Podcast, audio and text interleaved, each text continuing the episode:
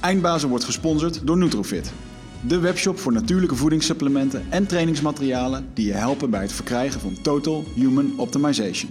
Nutrofit is hofleverancier van merken zoals Onnit, Natural Stacks en Bulletproof Coffee. Probeer onze producten zonder risico door onze money back guarantee. Bezoek ons op www.nutrofit.nl. Bestel je voor 9 uur 's avonds, dan zorgen wij dat jouw bestelling de volgende dag geleverd wordt. Eindelijk is hij er dan. Haha. Het duurde een, der- een tijdje, want ik heb ooit wel eens mailtjes gestuurd. En ehm, ik geloof dat jij op eh, Marianne Thieme na duurde. Ben jij de ene, la- de ene langste om hier uiteindelijk te komen? Twee komt- studio's geleden komt, al. er komt ook een keertje omdat we, het, het was afgezegd eh, vanuit onze zijde. Toen konden wij niet. Ja, jullie waren een keer ziek, geloof ik. En, eh, ja. Maar eh, vandaag hebben we in de studio Aart-Jan van Erkel. En de reden waarom je hier zit, is omdat jij eh, goede marketing kan, eh, kan schrijven. Copywriting. Dat is hoe dat ik bij jou terecht ben gekomen. Eh en copywriting, ik vind het, en misschien deel je die mening, maar ik vind het eigenlijk verschrikkelijk wat ik op social media vaak lees van bedrijven. Want ze zijn zichzelf aan het verkopen op een manier dat het voelt als verkopen. En ik vind als je echt goed kan copyrighten, als het echt mooi geschreven is, dan lees je gewoon iets en dan word je er gewoon enthousiast van. En dat is een kunst. En ik denk in het leven dat eh, alles wel een soort van copywriting is. Alles wat je ziet, alles wat je koopt in de supermarkt en zo. Dus de mensen denken wel. Mensen kunnen misschien wel denken, ook al ben ik geen, geen ondernemer, van ik heb daar nooit mee te maken. Maar eigenlijk heb je er continu mee te maken. Ehm, je hebt ook twee boeken geschreven. Die heb je eh, meegenomen. Wil je ze even laten zien in de camera? Dan, eh, het Maak ze gek boek. Twee bestsellers zijn het, hè? Ja. Maar wil je vertellen hoeveel je er verkocht hebt? Of is dat eh, secret? Nou, ik ben het meest trots op die groene. Die, is, eh, die werd het best verkochte managementboek van het jaar. Dat Ja. was wel echt leuk. Ja. En komt dat ook door de copywriting die jij daar omheen hebt gedaan? Dat mag ik toch hopen. Ja, dat komt door. eh, dat, het was de bedoeling dat die op nummer 1 op managementboek zou komen. Dat was het doel waar ik, waarmee ik ben begonnen met dat boek. Oké. Omdat die vorige die kwam op 2. Ah ja. En toen had ik, was ik er niet zo heel erg mee bezig. En achteraf dacht ik van, kak, dat kan toch niet waar zijn? Wa- waarom heb ik niet een duwtje gegeven op de een of andere manier? Desnoods eh, zelf boeken gaan kopen of wat meer marketing ervoor gaan doen of iets dergelijks. Maar ik heb dat ding gewoon op twee eh, eh, en, en weer laten wegzakken, zeg maar. ja. En dat is, het is natuurlijk gewoon heel erg lekker voor je marketing als je de, de rest van je leven kunt blijven zeggen dat je de nummer 1 bent geweest. Ja. Dus dat was het doel van die tweede. En toen uiteindelijk, toen heb ik zo achterlijk veel marketing ervoor gedaan. Dat die, eh, uiteindelijk kreeg ik van de, van de uitgever een, een telefoontje in december. Van hij is ook het best verkochte boek van het jaar geworden. Oh, dat was wel echt, echt cool. Dat had ik niet. Ik wist niet eens dat dat werd uitgeroepen, zeg maar. Ja. Maar dat is natuurlijk ook dat is nog een beter eh, eh, verhaal. Dus dat was leuk. Mission complete in dat opzicht. Ja, ja. Hey, en jij vertelde net al, want je zei een, een van jouw succestip is dat je iedere ochtend sta je op en schrijf jij een e-mail naar jouw klanten. En ehm, dit, dit fenomeen ken ik, maar dan van Amerikaanse eh motivatiegoeroes. En ik krijg dagelijks mijn mailbox krijg ik toffe mails eh, van, eh, van ze. In Nederland zie ik dat nog niet zo heel veel. Maar Precies. ver- verlicht mij eens dat, dat Nederlanders hier ook op zitten te wachten. Nou, mensen zitten natuurlijk helemaal niet te wachten op mail. Nee. Dus dat is de, de meeste mails die. Zeker niet de marketingmail. Dus de meeste mails die je zou kunnen gaan sturen, daar, eh, daar krijg je een heel, heleboel unsubscribes van. Of eh, ja, gewoon sle- slechte feedback. Dus dat is meestal geen goed idee. En ik kwam op het idee, omdat ik. En vorig jaar in 2018 ben ik veel eh, in Amerika geweest voor, voor de Mastermind. Ik ben daar in de Direct Response Mastermind van, van NoBS Inner Circle gestapt. Dat is die club van, van Dan Kennedy. Ja, vet. Wat, wat, wat mij betreft een soort van de godfather van, dit, van direct marketing is. Ja. Wat ik het, het allerinteressantste vakgebied vind. En ehm, ik ben teruggekomen uit die, eh, uit die coachinggroep met een, ehm, met een tip om dagelijks e-mails te gaan sturen. Maar dan niet marketing e-mails. En toch wel marketing e-mails, maar dan op een hele andere manier. Ah, Wat je meestal ziet, eh, wat je meestal ziet binnenkomen van bedrijven, dat, dat is natuurlijk meer waarvan duidelijk is, nou, oké, ze, ze hebben wat te verkopen, dus ze komen weer even in de lucht. ja. En ja, dat, dat laat alle, dat laat de, de, de, de marketing bullshit radar, eh, die gaat dan piepen. Ja. En dan kom je, heel moeilijk meer, kom je heel moeilijk meer binnen bij mensen. Maar als je op een andere manier gaat e-mailen die eh, entertaining is, dus waardoor het een, een leuk verhaaltje wordt om te lezen. En oh ja, ik heb ook nog een linkje en ik heb nog wel iets te pluggen. Dus altijd afsluiten met iets te pluggen, maar met een leuk verhaal. Ja. Eh, of iets persoonlijks, of iets wat je hebt meegemaakt. Of ik kwam op weg hier naartoe. Eh, rijdend naar Koude, op Koude had ik ook weer twee ideeën waar, waar ik nog wat mee kan gaan doen in, eh, in van die daily e-mails. En het, ik, ik verbaas mezelf hiermee, omdat ik hiervoor kon ik niet eens, was niet eens gemotiveerd genoeg om eh één keer in de maand een marketing e-mail te sturen. Dus ik ben ooit begonnen met heel veel bloggen. Hoeveel jaar praten we nu terug? Ja, dat is kort geleden, tot anderhalf jaar geleden of zo. Oh, wauw. Toen was ik alleen maar, had ik een, een evergreen autoresponder lopen. Dus mijn nieuwsbrief, die ging elke week stuurde ik een tip naar, eh, nou dat waren toen 35.000 mensen of zo. Maar dat was een evergreen autoresponder. Dus dat was gewoon een druppelmail. Ja. Daar had ik 100 mails in gestopt, oude blogartikelen. En dat waren er 100. Dus dat, nou, dat is dan één keer, per- één keer per week voor twee jaar, zeg maar. Dan heb je Ja. genoeg content. Oh, wauw. En dat was, was gewoon allemaal oud. Was, op zich waren dat goede tips. Maar ik schreef niks nieuws meer. En dat, dat deed ik eigenlijk al jaren niet meer. Ik was gewoon aan het, eh, aan het recyclen. En dat, daar, daar is ook niks mis mee. Ehm, alleen het was oud. Eh, ik had inmiddels heel veel bij geleerd. En dat kwam allemaal niet door in mijn marketing. Weet je? Dus die, dat, ik, ik, ik gaf dat niet door aan mijn klanten. Eh, dat voel, ik voelde een disconnect ontstaan tussen, me, tussen mijn bedrijf en mijn, mijn doelgroep. Ik wist eigenlijk niet meer precies wie mijn doelgroep was. Dat klopt op een gegeven moment niet meer toen liep ik dat te- tegen dat idee aan van, ja, je kunt dus ook een daily e-mail gaan sturen, maar dan iets totaal anders wat ik in die autoresponder deed. En die autoresponder, dat waren tips. Het was echt hard teaching. Mhm. Dus ik ging daar, weet ik veel, tien tips om, om, waardoor mensen zich welkom voelen op je homepage. Echt, echt goede tips met screenshots erbij, eh, op basis van eh, echt evidence-based, gewoon goede tips. En was ik soms wel een dag mee bezig met zo'n stuk. Ja. En dat was gewoon een, een seminar in een, eh, in een blogartikel. En dat werkte toen ook heel goed. In het begin werkte dat ook heel goed, omdat je toen had je heel weinig bloggers. En dus ik ben tien jaar geleden begonnen met bloggen of zo. Niemand deed dat toen. Niemand was kennis aan het delen via blogs. Ja. Eh, al helemaal niet via YouTube. Dat was het toen volgens mij nog niet eens. En ehm, toen werkte het heel goed. En eh, jarenlang gedaan. Op een gegeven moment was, ik, was voor mij de energie eruit. En ik merkte ook dat het... Je hebt een soort van informatieinflatie gekregen. Als je tips gaat delen... eh, dan concurreer je nu met het, alle tutorials op YouTube. Eh, Udemy, dat vol staat met een paar duizend Ja. eh, online trainingen voor een tientje of zo. Of voor, heel, voor weinig. Ja. Dus dat soort content is, heeft nu de connotatie gratis of cheap. Dus dat is niet zo'n lekkere basis meer voor content marketing. Als je daar mij zou vragen. Mhm. En toen liep ik tegen dit idee aan. Van een paar mannen die ik daar heel hoog heb zitten. En die dit al een paar jaar deden. Die zeiden, resultaten, belachelijk. Echt belachelijk. Sturen geen eh, hard teaching e-mails meer. Maar infotaining e-mails, zoals ze dat eh, noemden. Een van de, de, de, die coach waar ik dat eh, persoonlijk van heb geleerd is Dave D. Maar een copywriter die, ik, die, dit, die dat vol- volgens mij nog beter doet is Ben Saddle. Die, doet dat, die doet dat briljant. Die schrijft super eh, ehm, provocerende en irritante en schurende en hilarische mails elke dag. Ja. Maar dan ook elke dag. Ik bedoel ook in het weekend. Ik doe het alleen maar op, op weekdagen. Ja. Hij doet het elke dag.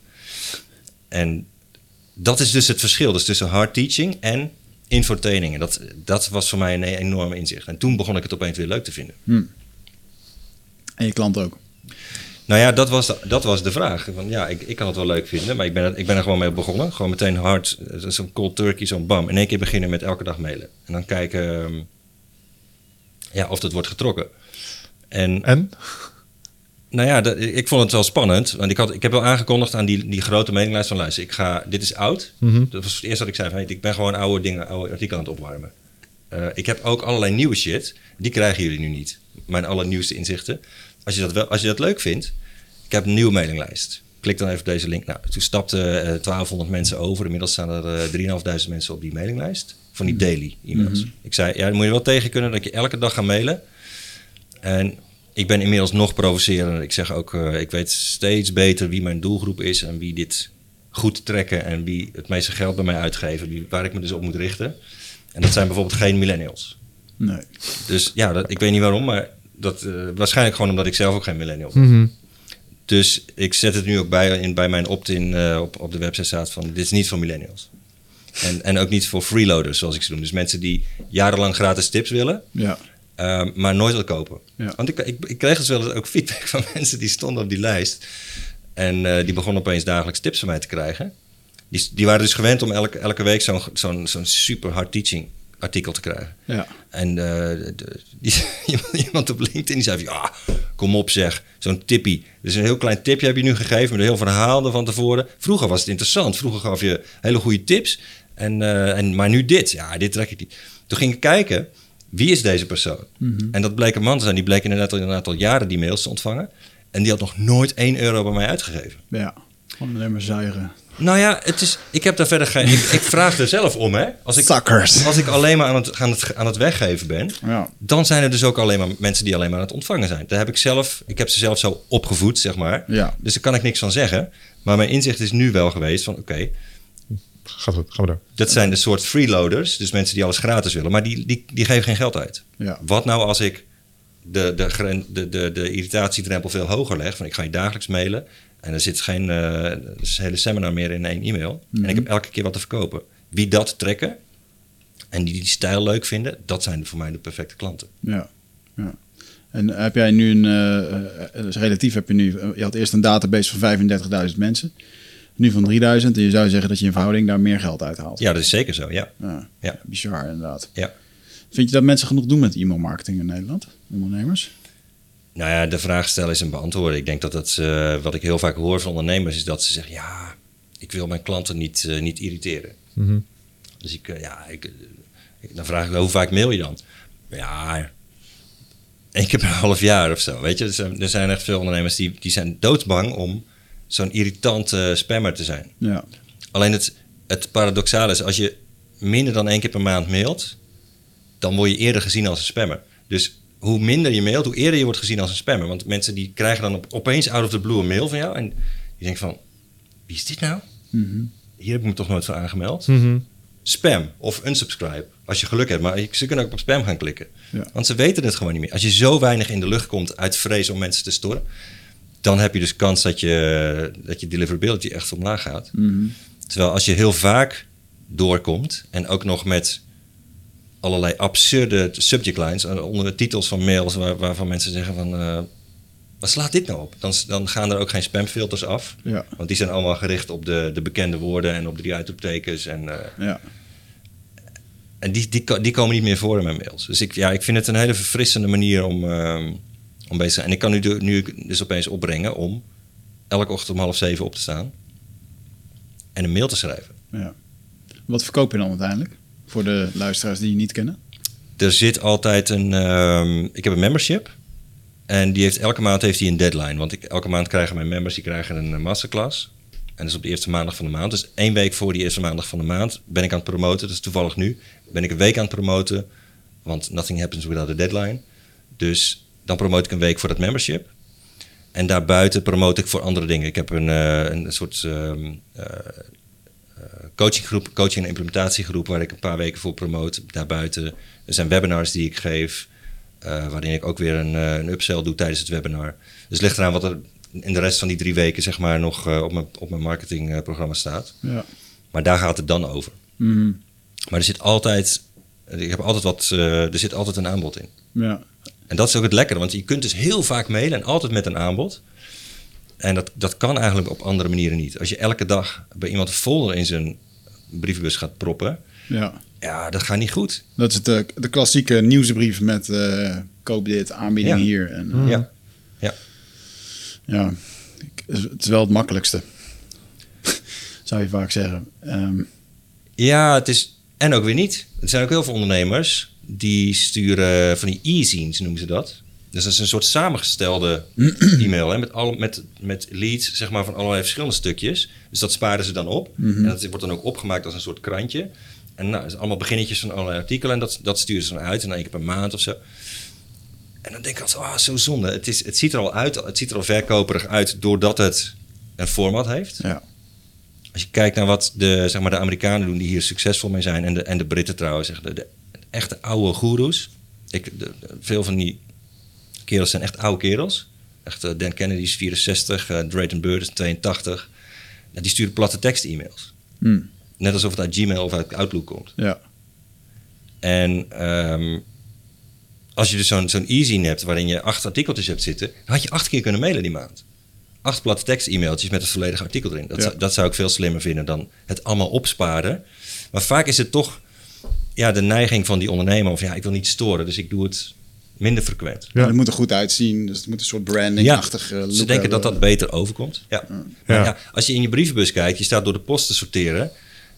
Gary Halbert, die, die noemde dat altijd A-pile en B-pile. Dus dan ga je, oké, als je post krijgt, oké, dit is een, een verkoopfolder van de Office Center. Meteen in de bak. Ja. Dus- En als het een brief is met een, met een postzegel en een handgeschreven adres ja, met jouw naam. Ja, welke ga je openen? Ja, die brief, die ga, de rest laat je liggen. Die brief, wow, een brief, persoonlijk. Ja. Dus in e-mail werkt het eigenlijk ook zo dat als het er persoonlijk uitziet, dus gewoon platte tekst, ge- ook geen super signature of zo, helemaal Ja. niks. Ja. Eh, dan roept het veel minder weerstand op. Dan roept het veel minder salesachtige associaties op. Uh, dit is dan puur alleen het e-mailen waar je het dan over hebt. Maar eh, ehm, je hebt, als ik in jouw portfolio juist heb, heb jij ook voor Booking.com en eh, eh, andere clubs heb je website optimalisatie gedaan. Want jouw eerste boek Verleiden op internet gaat vooral over dat. Dat is neuromarketing. Ehm, op welke knop moet je duwen? Ja. Tell- tellertjes het erbij. gaat die, puur eh, over websites en copywriting. ja. Ja. Is dat nog iets waar je nog steeds wel actief mee bezig bent ook? Ja, ik heb laatst ontdekt wat ik eigenlijk doe. Dat is altijd best handig. Nu- nu al? ik dacht dat ik het wist, maar ik kwam erachter van... wacht even, ik doe het nu eigenlijk iets anders dan ik eh, in het verleden deed. Want ik ben begonnen, ik, als copywriter zat ik inderdaad bij van die grote e-commerce bedrijven. En dat was ik allemaal bezig met, met te verdiepen in Cialdini en allemaal andere auteurs op het gebied van, eh, van inderdaad van neuromarketing en verkooppsychologie. Hartstikke interessant. En er bleek heel weinig kennis gedeeld te worden door die grote clubs over wat ze nou eigenlijk geleerd hadden. Op congressen zeiden ze echt, eh, gaven ze af en toe wat tipjes, maar dat was natuurlijk goud waard. Dus dat deelden ze niet. En toen ben, nou, nadat ik heel lang in die wereld heb rondgelopen, realiseerde ik me van ja, ik ben er gewoon klaar mee. Ik vond het niet leuk meer. Ik zat bij boeking, maar ik ging eigenlijk met buikpijn naar mijn werk toe. Terwijl ik heel hoge uurtarieven had, omdat copywriters die dit doen, die zijn er bijna niet in Nederland. Nee. Maar ik ben ermee gekapt. En ik realiseerde me toen van ja, ik vind het eigenlijk wel leuk om dit aan ondernemers te gaan leren. Want die, ik wist gewoon dat die er niks van weten. Dat is gewoon echt een, eh, een die kennis die, die die Booking heeft, die Bol heeft, die die grote jongens hebben. Met door al dat AB-testen, komt niet bij ondernemers terecht. Dus terwijl ik, ik kom uit een, een, een familie met we zijn, we zijn allemaal middenstanders. Dus mijn ouders hadden een winkel en eh, mijn ene opa was, had een drogisterij. Mijn andere opa had een, eh, was melkboer en mijn overgrootvader was fietsenmaker. Weet je, allemaal van die middenstanders. En daarom wilde ik vroeg nooit ondernemen. Want ik dacht, ja, we gaan niet eh 53 uur per week die winkel open moeten hebben. En eh, s s'avonds ook nog moeten werken zoals ik vroeger thuis gewend was. Maar toen kwam ik er dus achter dat eh, ik daar toch meer affiniteit mee heb dan met die grote clubs Ja. al die grote clubs die eh, precies weten hoe ze geen belasting moeten betalen. En eh, alle kennis voor zichzelf houden. Ik vond het gewoon niet leuk meer. Mhm. Dus toen ben ik op die ondernemers gericht. En met dat, met dat boek kwam ik erachter dat er echt kennishonger was naar dat onderwerp. Dus hoe kun je nou met je, met je website meer verkopen? Ja. Dus dat ben ik toen een tijd lang, jarenlang heb ik daar een, een training over verkocht aan ondernemers. En het liep gewoon hartstikke lekker. Ehm, maar op een gegeven moment begon ik erachter te komen van wat ik eigenlijk het leukste vind is als ik een formule ergens voor heb gevonden, iets dat werkt. Bijvoorbeeld, hoe, wat, doe je nou op je, wat kun je nou op je website allemaal precies tweaken om ervoor te zorgen dat die echt goed gaat verkopen. Mhm. De meeste ondernemers eh, die hebben een website waar, die niks voor ze doet of waar ze ontevreden over zijn. Zo, die formules, dat vind ik leuk om die dan te gaan uitdragen. En eh, ik had op een gegeven moment die twee boeken. Die tweede die heeft het hartstikke goed gedaan. Dacht ik, oké, ik heb er nu eigenlijk dus ook een formule om je boek het hartstikke goed te laten doen. Ja. En ben ik daar een training over gaan maken. Dus dat, wordt, dat is op een gegeven moment mijn verdienmodel geworden. Van, ik probeer net zo lang uit tot ik snap hoe het werkt. En dan ga ik, je, ga ik jou uitleggen hoe het werkt. Ja. En dat altijd gericht op ondernemers. En ehm, laatst realiseerde ik me opeens... Van, wat ik eigenlijk doe, is dus ondernemers helpen... om de bekendste naam in hun markt te worden. Ja. Dat is eigenlijk waar ik al zelf ook al jaren mee bezig ben. En alles wat ik daarover leer, geef ik altijd weer door. En dat, ja, dat vind ik gewoon superleuk. Omdat je dan, je wordt eigenlijk beloond met inkomsten door dat je zelf bloednieuwsgierig bent naar al die dingen. Mm. Ja. Als je dan naar de meeste ondernemers kijkt, ik had het straks nog met, ik zei het straks nog tegen Michel, van ja, eigenlijk eh, ik stond vanochtend op en ik voelde een soort van eh, zenuwachtig gevoel door me heen gaan van ja, Nu nodigen we weer iemand uit die alles weet van websites en teksten. Hij heeft naar onze website gekeken. Hij vindt hier vast iets van. Weet je? Wat, wat, eh, wat is nou de gemiddelde... eh, nou, ik denk dat ik ze wel kan opnoemen. Maar wat zijn de meest gemaakte fouten op een website? Die je van een ondernemer ziet. Ja, er zijn een paar die daar kun je altijd wel vergif op innemen dat het. ehm, ik heb trouwens niet goed naar die vier gekeken, maar deze hoor, Alright. dus eh, relax. Eh, er zijn een paar waar je altijd eh, vergif op kunt innemen. En trouwens niet alleen bij ondernemers, maar ook bij, eh, bij grote clubs. Eén daarvan is, dat is ook mijn favoriete ding geweest toen ik daar veel over, over op podia stond te vertellen, was ze vertellen eigenlijk niet wat ze doen. Dus je komt op die pagina, op die homepage, en ik denk, ja, ik denk dat ze het zelf wel weten, Mhm. maar ik snap het niet. En dat gaat zo ver als dat op de homepage van ABN AMRO komt het woord bank niet voor. Nee. Tot op de dag van vandaag. Dus als je niet weet wat ABN AMRO al is, dus je hebt die voorgevestigde kennis niet en je gaat naar een website, dan heb jij geen idee wat deze mensen aan het doen zijn. Nee, nou je krijgt wel een beetje een idee, want je, kunt, je weet wat banken doen en je, als je eroverheen scrolt. Maar als je niet al te veel je best, zin hebt om je best te doen, dan moet je echt even je beste voor doen. En dat is, Ja, ja, ja, en dat is gewoon niet handig. Op de website van de, spoor, van de NS komen de woorden Nederlandse spoorwegen niet voor. En dan kun je denken, ja, tuurlijk, maar dat is logisch, want iedereen kent ons. En er rijden duizenden treinen door Nederland met ons logo erop. Ja, maar als je nou een, een Belg bent, weet, Ja. jij, weet jij de naam van de Belgische spoorwegen? Ja. Dus als, het, als die, die afkorting op een site staat, weet je, oh, de, oh nou, dit, natuurlijk, dit is de website van de Belgische spoorwegen. BS, dat is, Je dat zou logisch, ja. zeggen- Ja, dat zou je zeggen, ja. Je zou zeggen met hun budgetten dat ze hier wel over nadenken, weet je wel? Ja, maar het, het is vaak zo dat ze dan denken van, ja, kom op. Ja. Zelf weten ze het wel. Ja. En het, het is gewoon te boring om dat ook nog te moeten... Dus ze, ze beginnen eigenlijk al met te veel kennis. En daardoor... Dat is wel wat op heel veel websites al misgaat. En Maar een, een ander ding wat, ehm, wat ik de laatste tijd heel erg leuk vind om op te focussen... is als je een business hebt die... waarbij jij, jij als ondernemer eh, dragend bent. Dus jouw kop en jouw persoonlijkheid en jouw stem... die, is- die is eh, net zoals bij jullie. En eh, in mijn business is dat zo... Bij mijn, in de business van de meeste van mijn klanten... Wat als je zo'n eh, op jouw persoonlijkheid gebaseerde market of eh, bedrijf hebt? Ehm, wat als je dan ook eens die persoonlijkheid zou gaan laten zien? Ja, Dus je, je ziet heel vaak een beetje een vlakke copywriting op websites. Er spreekt weinig karakter van die ondernemers uit. Terwijl als je met die mensen praat, zijn ze superleuk. En ze hebben echt smoel. En ze hebben echt... Ja, ze zijn, ze zijn anders. En dat zou je alleen niet zeggen als je op die website komt. Ja. En als je hun, hun eh, e-mail nieuwsbrief krijgt. Want dat is heel, heel veilig of heel conventioneel. Of ze doen alles wat in hun branche gebruikelijk is. Copy-pasten ze dan. Ja, dat is natuurlijk het recept om niet onderscheidend te zijn. Dus dat is ook zo'n ding wat, eh, wat eigenlijk heel vaak ontbreekt. Is, is gewoon persoonlijkheid. ja. Ja.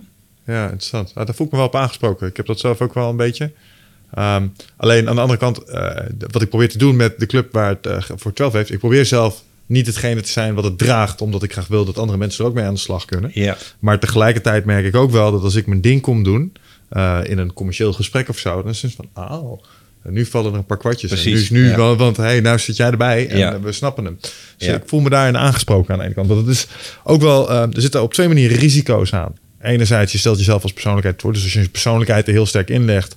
Ehm, en wat nou als ze je niet leuk vinden? Dus eh, de- de- enerzijds Ja. zou je kunnen disqualificeren voor een groep mensen. Ja, zeker. Ehm, maar ja, wat ik je er straks hoorde zeggen over van 35.000 naar 3500, maar toch meer centjes op een specifieke niche. Ja, misschien moet je die filter dan ook maar zijn werk laten doen. Ja. En, en, en het risico wat ik inderdaad zie, is dat het te veel hangt aan bijvoorbeeld jou. Uh, maakt ze gek, daar ben jij. Dus stel je zou dit willen gaan schalen ooit, of eh, hè, meer mensen dit laten uitdragen om nog meer ondernemers te helpen, Ja. ja, dan zit het vast op jou. En dat, dat zou het kunnen beperken in zijn groei. Maar nou, ja, schalen kan wel. Schalen, ik ben, ik ben niet, niet anders dan bezig met schalen. Alleen ehm, een exit wordt lastiger als, je, als het allemaal op jou gebaseerd is. Dus als, Ja. als je dat je doel is, om een exit te maken... zo snel mogelijk weg bij die en ellende. die Ja. te verkopen en zo voor zoveel mogelijk. Dat, dat wordt lastiger. Is niet onmogelijk, maar dat, dat, is, dat, dat heeft een iets minder goede match met deze aanpak. Mm, Maar als je dat niet van plan bent, dan ehm, ja, is het, het is voor klanten super. Die voelen echt de, de connection veel meer als ze jou, eh, Ja. als ze jou echt voelen in jouw marketing. En je zei wel van ja, je kunt ook mensen wegjagen ermee. En dat is niet alleen een angst die je zou moeten hebben, maar dat is de realiteit. Ja. Dus je jaagt ook echt mensen weg. Er zijn ook mensen die, die trekken jou niet. Nee. En Maar ja, beter maar. Als En ik dat, dus dat is ja. ook beter, want Ja, als ze jou zouden spreken, dan zouden ze ook merken: wow, deze gast trek ik niet. Ja. En dat is ook maar goed dat ze dan weg zijn, want dat gaat natuurlijk ook vaak niks worden. Want is, dat, is dat de angst dat, eh, eh, om iedereen te willen bedienen? Hè, ik geef praatjes. Voor wie kan je praatjes geven? Nou, kan iedereen wel helpen. Ja. weet je. Ja, als je iedereen helpt, dan help je dus eigenlijk helemaal niemand. Ja, ik dacht ook vroeger dat ik voor iedereen, dat ik voor- voor alle ondernemers was. Ja. Alleen, ehm, het is wel een soort bevrijding als je op een gegeven moment dat loslaat en denkt van, nou wacht eens, voor wie ben ik er nou eigenlijk echt? Ik was in juni was ik in, in, Cleveland op een seminar van eh, Dan Kennedy. Dat is trouwens ook zijn, zijn allerlaatste seminar, want daarna kwam het bericht dat hij op sterven lag. Hij lijkt het eh, te redden trouwens, hij lag op sterven. Stuur nog wel e-mails iedere dag? Hij, ja, maar hij is, sorry. eh, volgens mij gaat hij, ehm, gaat hij het redden. Ik was daar en als je, als je in die zaal kijkt, zaten 150 man in die zaal. Allemaal witte mannen. Van nou, middelbare mannen, zeg maar. Ja. Oh, was dit, volgens mij heb ik dit gelezen. Ja, Gisteren op je ik- Facebook. ja, Ik, ik heb er eh, laatst deze week een stukje over geschreven. En eh, heel veel eh, eh, orthodontists en dentists en chiropractors. En veel mensen in real estate. Dat is eigenlijk alles wat daar in de zaal zit. En ik ben dan een soort uitzondering. Want ik ben dus een gekke liberal uit Europa. En ik zit helemaal niet in die, in die business. Swiftie. Ja, ja, echt. En dat zijn er allemaal super rechtse rakkers. Ja. En ehm, toen heb ik dat eens gevraagd: van, hoe zit dat nou? Wat, wat, waarom zitten er geen copywriters in de zaal? Waarom zitten er geen Europeanen in de zaal? Waarom zitten er geen Asians in de zaal? Hoe zit dat nou? En toen was de uitleg: ja, wij weten wat de slam dunkers zijn van Dan Kennedy. Dus mensen die al 30 jaar in zijn membership zitten, die elk jaar naar zijn Dan Only seminar komen, die de meeste dollars bij ons uitgeven. Dat zijn mannen uit Midwest-staten, 40 tot 55, real estate of medical. Ja. En geen blacks, geen Asians. Wij hebben daar niks tegen, maar dat zijn gewoon niet de beste klanten voor ons. Die geven gewoon minder geld bij ons uit. Ja. Dus hij zegt alleen maar dingen die die witte rechtse mannen uit Midwest-staten leuk vinden. Ja. En eh, ik, vond, ik vind dat heel verfrissend. Ik, ik, die, die rechtspraatjes die vind ik echt af en toe echt eh, super irritant van hem.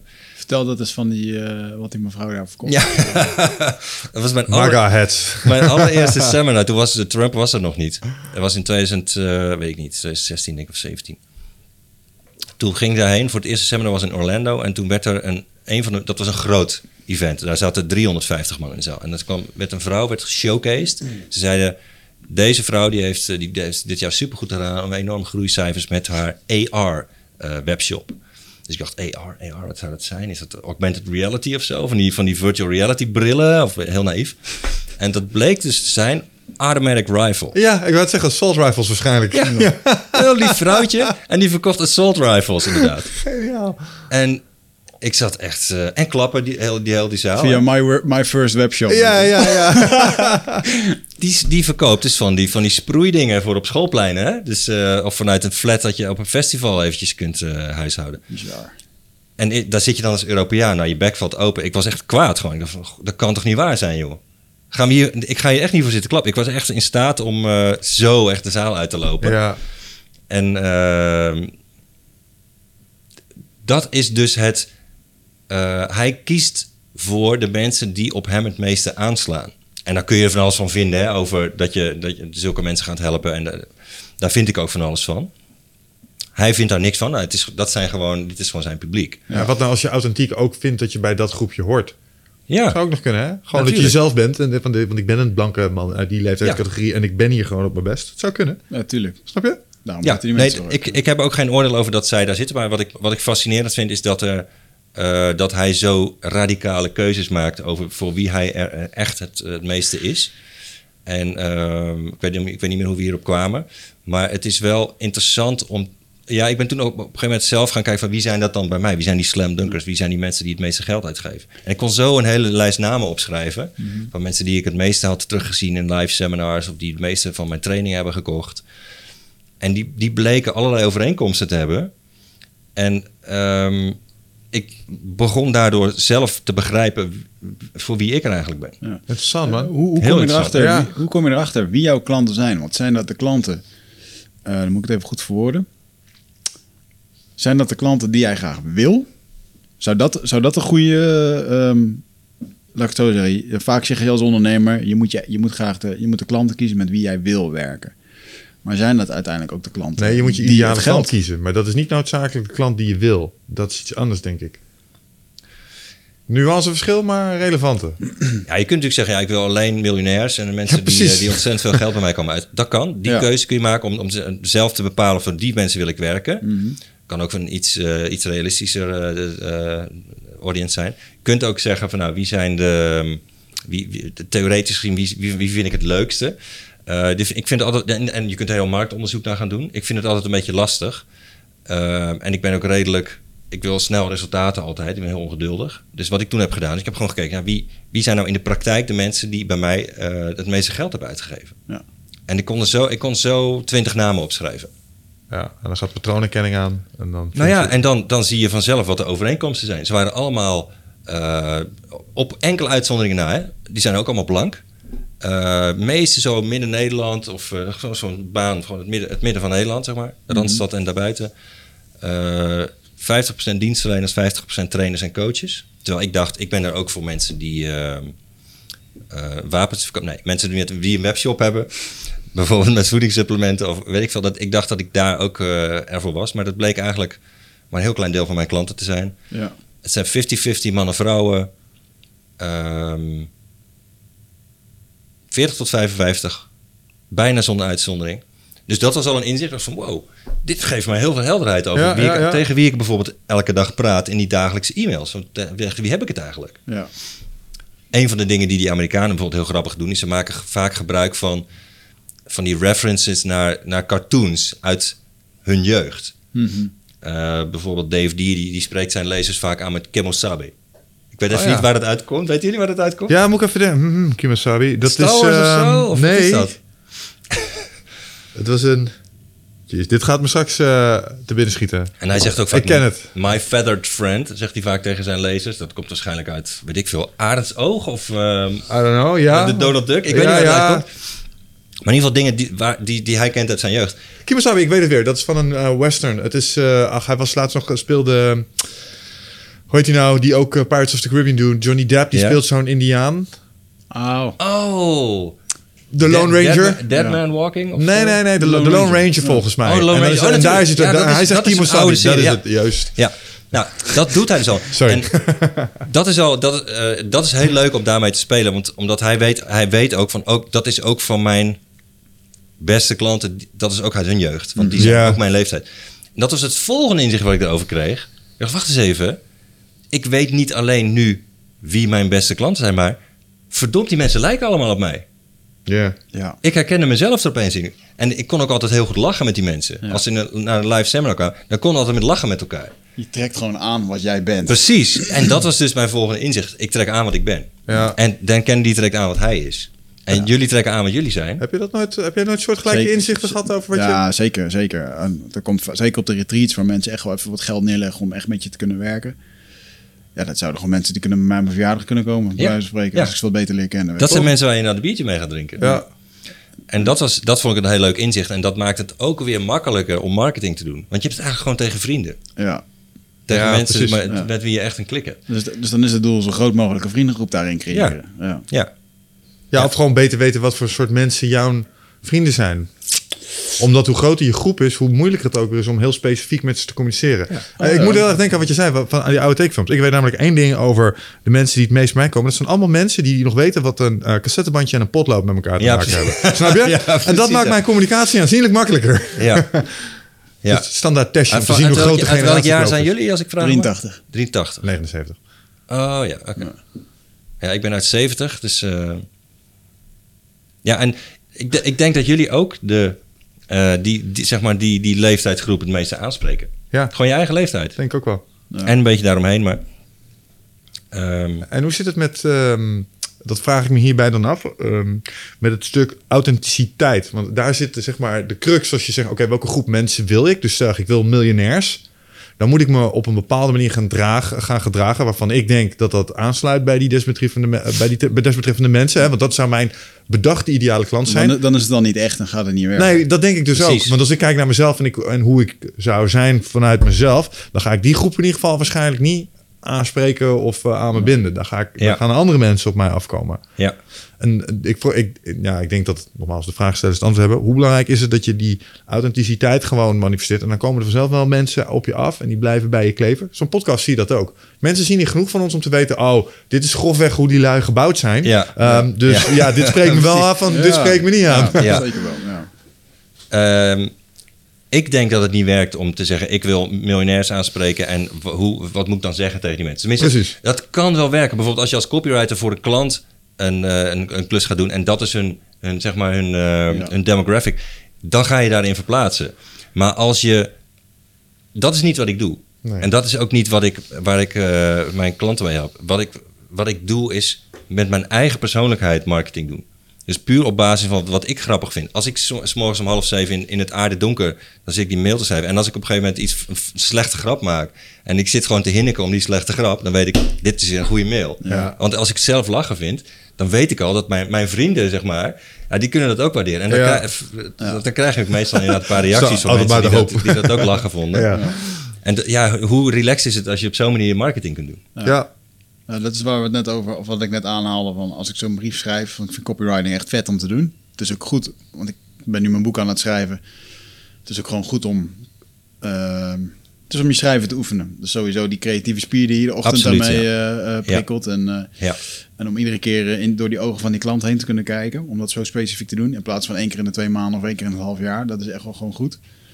Ehm, maar ik voel donders goed wanneer je echt een mail denkt... Fuck, het is echt een goede mail. En Ja, ja, ja. dat je zelf kippenvel geeft. ja, en dat je dan, eh, wat ik vertelde, dan heb je gewoon binnen een uur kan je in één keer 3000 euro verdiend hebben. Ja, Nu sta ik voor mijn gevoel nog echt aan het begin van. Ehm, ik bied nog niet zoveel aan online. Eh, het is nog periodiek als er een keer een evenement is. ja, Maar ik weet zeker dat er. eh, ik wil een keertje naar zo'n moment eh, komen dat je eh, een lancering doet waarbij er 100.000 euro of meer binnen zou komen Ja. met een programma of met iets. En dat moet ook gewoon kunnen. Eh, maar je- ik merk donders goed wanneer ik aan het schrijven ben omdat ik een mail moest schrijven van mezelf en er moest sales gedaan worden. En die verkoopt vaak niks. en die komt ook vaak moeilijk uit. Ja, ja of net niet. Of, of Ja. je stuurt hem maar omdat je Of je stuurt hem, je stelt het de hele tijd uit. Ik heb het 's morgens ook. Ik zit dan vijf dagen per week dat te schrijven. En soms dan zit, heb, moet ik er echt over nadenken. En dan gaat het echt zo traag als dikke stront. En soms dan is het gewoon... prut, dan, dan ben ik gewoon lekker aan het typen. En ik van, hé, hey, ik zit in een goede flow. Ja. En dan heb je gewoon een, een, een leuk idee... of iets waar je, waar je toevallig op dat moment blij van wordt. En dat zijn ook meestal de... be- Dus die het makkelijkste gaan... zijn meestal ook de beste mails. Ja. Ja, waar ik Nou. de meeste lol in heb gehad. En, hoeveel van, en, en hoe zijn die mails? Zijn die mails dan nog wel gestructureerd? Of zijn dat inmiddels ook wel mails die qua inhoud en qua structuur toch ook wel gebruik maken van een aantal van de fundamenten die je in je boek aanraakt? Want er zijn wel degelijk principes die je kunt aanspreken om je mails overtuigender te maken. Hè? Een van die dingen waar, waar, die ik herken is. ehm, je weet wanneer het lekker werkt, maar dat is met name om de emotionele reactie die, bij, die het bij jezelf teweeg brengt. En dat vind ik zo fascinerend. Wat is het in deze ene zin waarbij ik deze stukjes geluid in deze combinatie zet, die ook op deze manier verwoord kan worden, dat ik toch hier een bepaalde emotionele beleving bij krijg. Om, en dat kan zijn dat ik soms twee woorden omdraai en ineens, hij loopt helemaal anders. En dan, Ja. dan krijg ik er een bepaald ge- gevoel bij, of zo. Snap je wat ik bedoel? Ja, ehm, toen ik bezig was met het, ehm, met het schrijven van dat, dat groene boek met Maak ze gek, toen, daar, daar heb ik daar, een aantal copywriting technieken heb ik daarin besproken. En een daarvan gaat inderdaad over hoe roep je emotie op. Ja. Alleen ik heb toen een aantal inzichten had ik toen nog niet gehad over hoe je eh, zeg maar echt personality-based marketing kunt doen. Ik wist dat het het oproepen van emotie dat het een van de hoogste doelen is van copywriting.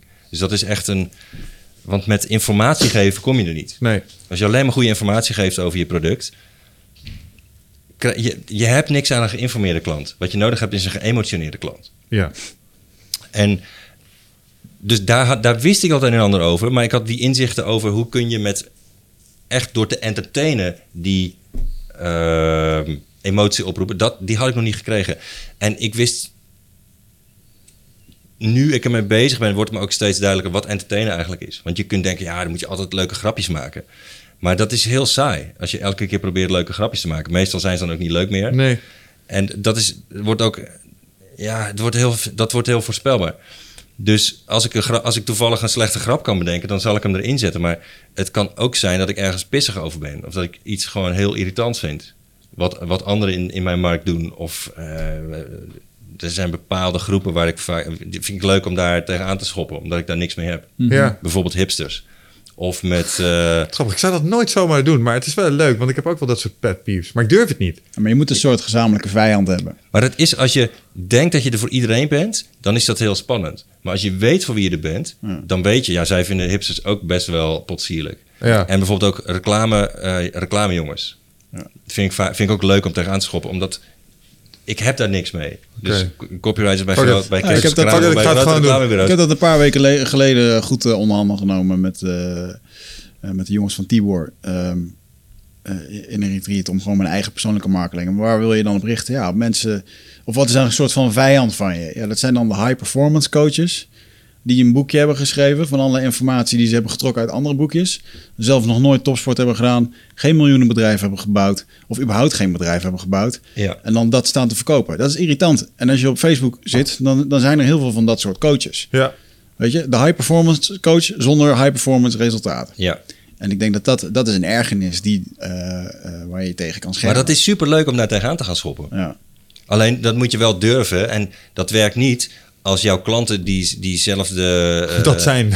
Als die dat zijn bijvoorbeeld. Of als die daar helemaal niet mee eens zijn. Maar op een gegeven moment weet je wel waar je het over eens bent met je klanten en wie dat, wie dat eigenlijk precies zijn. Ja. En ik denk dat het, als, als het voor jou, die, als voor jou die groep gewoon niet oké is, dan is het heel veilig om daar, eh, om daar lekker stelling tegen te nemen. Ja, ik praat ook veel over bewustzijn. Heel veel van, als je dan, je hebt de mensen met het, het potloodje en de, de- de- het bandje. Ja. Bij mij zijn het echt wel mensen die een beetje een ja, soort transitie zitten. Een soort van een beetje ontwaking van er is meer in het leven. Ja. Een stuk zingeving. En eh, ja, dus daar kan ik echt wel, eh, En qua leeftijd? eh, ja, 25 tot 45. Ja. ik ben zelf Ja. 36. Ja, dat hij ben zit jij niet dus. in de hipsters, hij zit in de hippies. En eh, er zit ook denk ik wel, nou, niet, niet de hipster hipster. Misschien ook wel een paar. Nee, Ja, hippies. maar hipsters zijn Ja, maar ik zeg niet dat jij tegen hipsters zou moeten zijn. Misschien vind jij die hartstikke leuk, hè? Nou ja, bij mij zit er, ja, maar ik vind als iemand, eh, als iemand zich hip wil kleden, zo zie ik een hipster, dan moet hij dat lekker doen. Maar het is heel leuk als mensen een mening hebben. Ik, had, ik had een klant bijvoorbeeld die zit in de, in de HR. Dus die heeft een, een, vergelijkingssite voor arbodiensten. En hij zei, ja, er zijn wel meer... Ik zeg, wat heb je voor concurrenten? En toen ging hij vertellen over een concurrent. En hij zei, ja, dat, die zitten dan in, eh, in het gooi ergens. Die hebben een, een kantoor, zo'n zo'n pandje op de Brink in Laren of zo'n soort pandje. Een oud pand. En er zijn twee van die gasten met oranje broeken.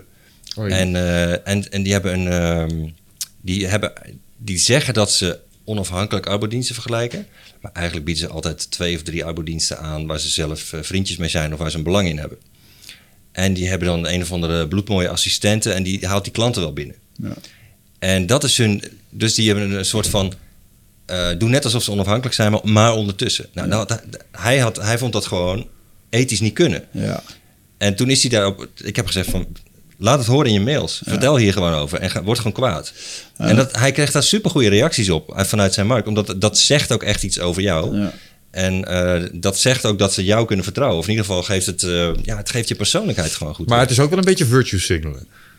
Zeker. Maar je moet, je moet er een kant in Behalve kiezen. als je er serieus pissig over bent. Ja, dat is wel een dunne lijn. Dunne lijn. Het, want het heeft ook een zo... Hey, en, en ik doe het wel goed, hè? Moet je mij eens even Nee, maar- de binks die zijn ten opzichte van... Dat vind ik... Ja, dat want, risico loop je wel. Ja. Want als je het niet goed doet, is dat Ja. wel het Ja, resultaat. maar maar Ja. dan wil je voor iedereen er zijn. Ik bedoel, Want, want een ander dingetje waar ik tegenaan loop te schoppen... is dat in mijn evenementen wil ik dat er een soort confrontatie komt... die ongemakkelijk is. Staat ook bij ieder evenement, zeker ook bij de retreats... ehm, eh, je tekent voor ongemak. Het gaat oncomfortabel worden. ja. En daar een hele grote groep die zegt, nou, dat moet, heb ik nu echt een keer nodig. Ja, mooi, en ik, mooi. En ik schop dan ook tegen het feit dat er zijn zoveel van die persoonlijke groeiseminars waar je naar binnen komt, pennetje en papier en dan sta je achterlang te, te stomen tegen een gast die alleen maar op het podium staat. En, Ja. eh, eh, en dat slurpt energie en bla bla bla. En daar probeer ik dan heel erg tegenaan te, te trappen. Want ik denk dat het veel meer in Maar dat is toch een mooi filter? zitten. Ja, ik denk het wel. Ik denk dat ik daar mensen ook wel. eh, eh, maar door die, door die keus te maken om daar wat radicaler in, te, eh, in te, te trappen, zie ik ook gewoon in de reviews en ook wat mensen daarna zeggen op filmpjes van ja, het is echt even, echt even oncomfortabel. En Ja. dan probeer ik ook die steekwoorden probeer ik terug te laten komen. Dan doe ik altijd enquêtes van welke drie woorden zijn bijgebleven. En dan komt daar vaak het woord oncomfortabel in. Ja. Of confronterend in. Nou, dan denk ik, nou, dan is de missie daarin geslaagd. ja. Maar dan ben je er dus niet voor iedereen. Nee, maar dat komt ook een beetje met het, ehm, ehm, met het inzicht van ja, dan ga ik bijvoorbeeld eh, naar een evenement eh, van, ik noem maar zo eventjes wat, van bijvoorbeeld Michael Pilarczyk die het heel goed doet in Nederland. Er komt, ook, komt een hele grote massa mensen op, 500 man heeft hij daar. Ja, met iedereen die ik daar praat, wou ik ook fantastische gesprekken mee voeren en zo. Ehm, maar dan merk ik toch van ja, ik, inderdaad, ze zouden niet allemaal naar mij komen. Ik kan ze ook niet allemaal helpen met één, eh één gospel. En zij zijn daar voor Michael Pilarczyk, omdat Ja. ze zijn gedachten goed mooi vinden en doen. En toen dacht ik wel van ja, ik weet je, ehm, als ik nu kijk naar mijn ehm, evenementen, daar, daar komt gewoon, eh, ja, daar komen types zoals ik op af. Meer. Eh, misschien wat jonger, eh, die zich wat meer met mij eh, de, eh, dat? Ehm, Identificeren? identificeren. Hogere pijngrens. Ja, nou ja, en op een gegeven moment, nou ja, goed, ik vind, dat, ik vind dat belangrijk, omdat ik dat zelf altijd, ik heb heel mijn leven niet anders gedaan dan altijd de extreme in dingen opzoeken. Dus ik vond dat dan ook wel tof. Ik vond het in Nederland af en toe wat soft. Eh, er mag best wel wat meer ervaring, wat meer show. Ik vind het wel eh, misschien wat Amerikaanser. Ik vind dat wet. En eh, ja, so far eh, werkt dat wel goed voor me, ja. En iedere keer moet ik daar weer een beetje verder in proberen wat, daar, eh, wat daarin kan.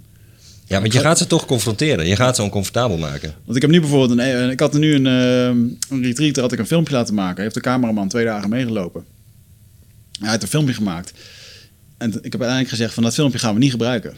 Ik ga het helemaal geheim houden. Dit, dit retreat waar je voor je in tekent, gaat gewoon geheimzinnig worden. Puur eh, om het al oncomfortabel te maken. Je weet niet wat je gaat krijgen. En mensen geven het wel een hele goede waardering. Ja. En ehm, ehm, dat is toch een bepaalde keuze, ook in de marketing dan geweest. Ja, dan ga ik dus op dat geheimzinnige zitten. En dat, dat roept dan vragen op bij mensen. Eh, volgend jaar komt er een retreat waarbij je alleen maar op uitnodiging kan komen. Ja, ik vind dat soort dingen vind ik echt geniaal. Weet Ja. je? Van die exclusieve...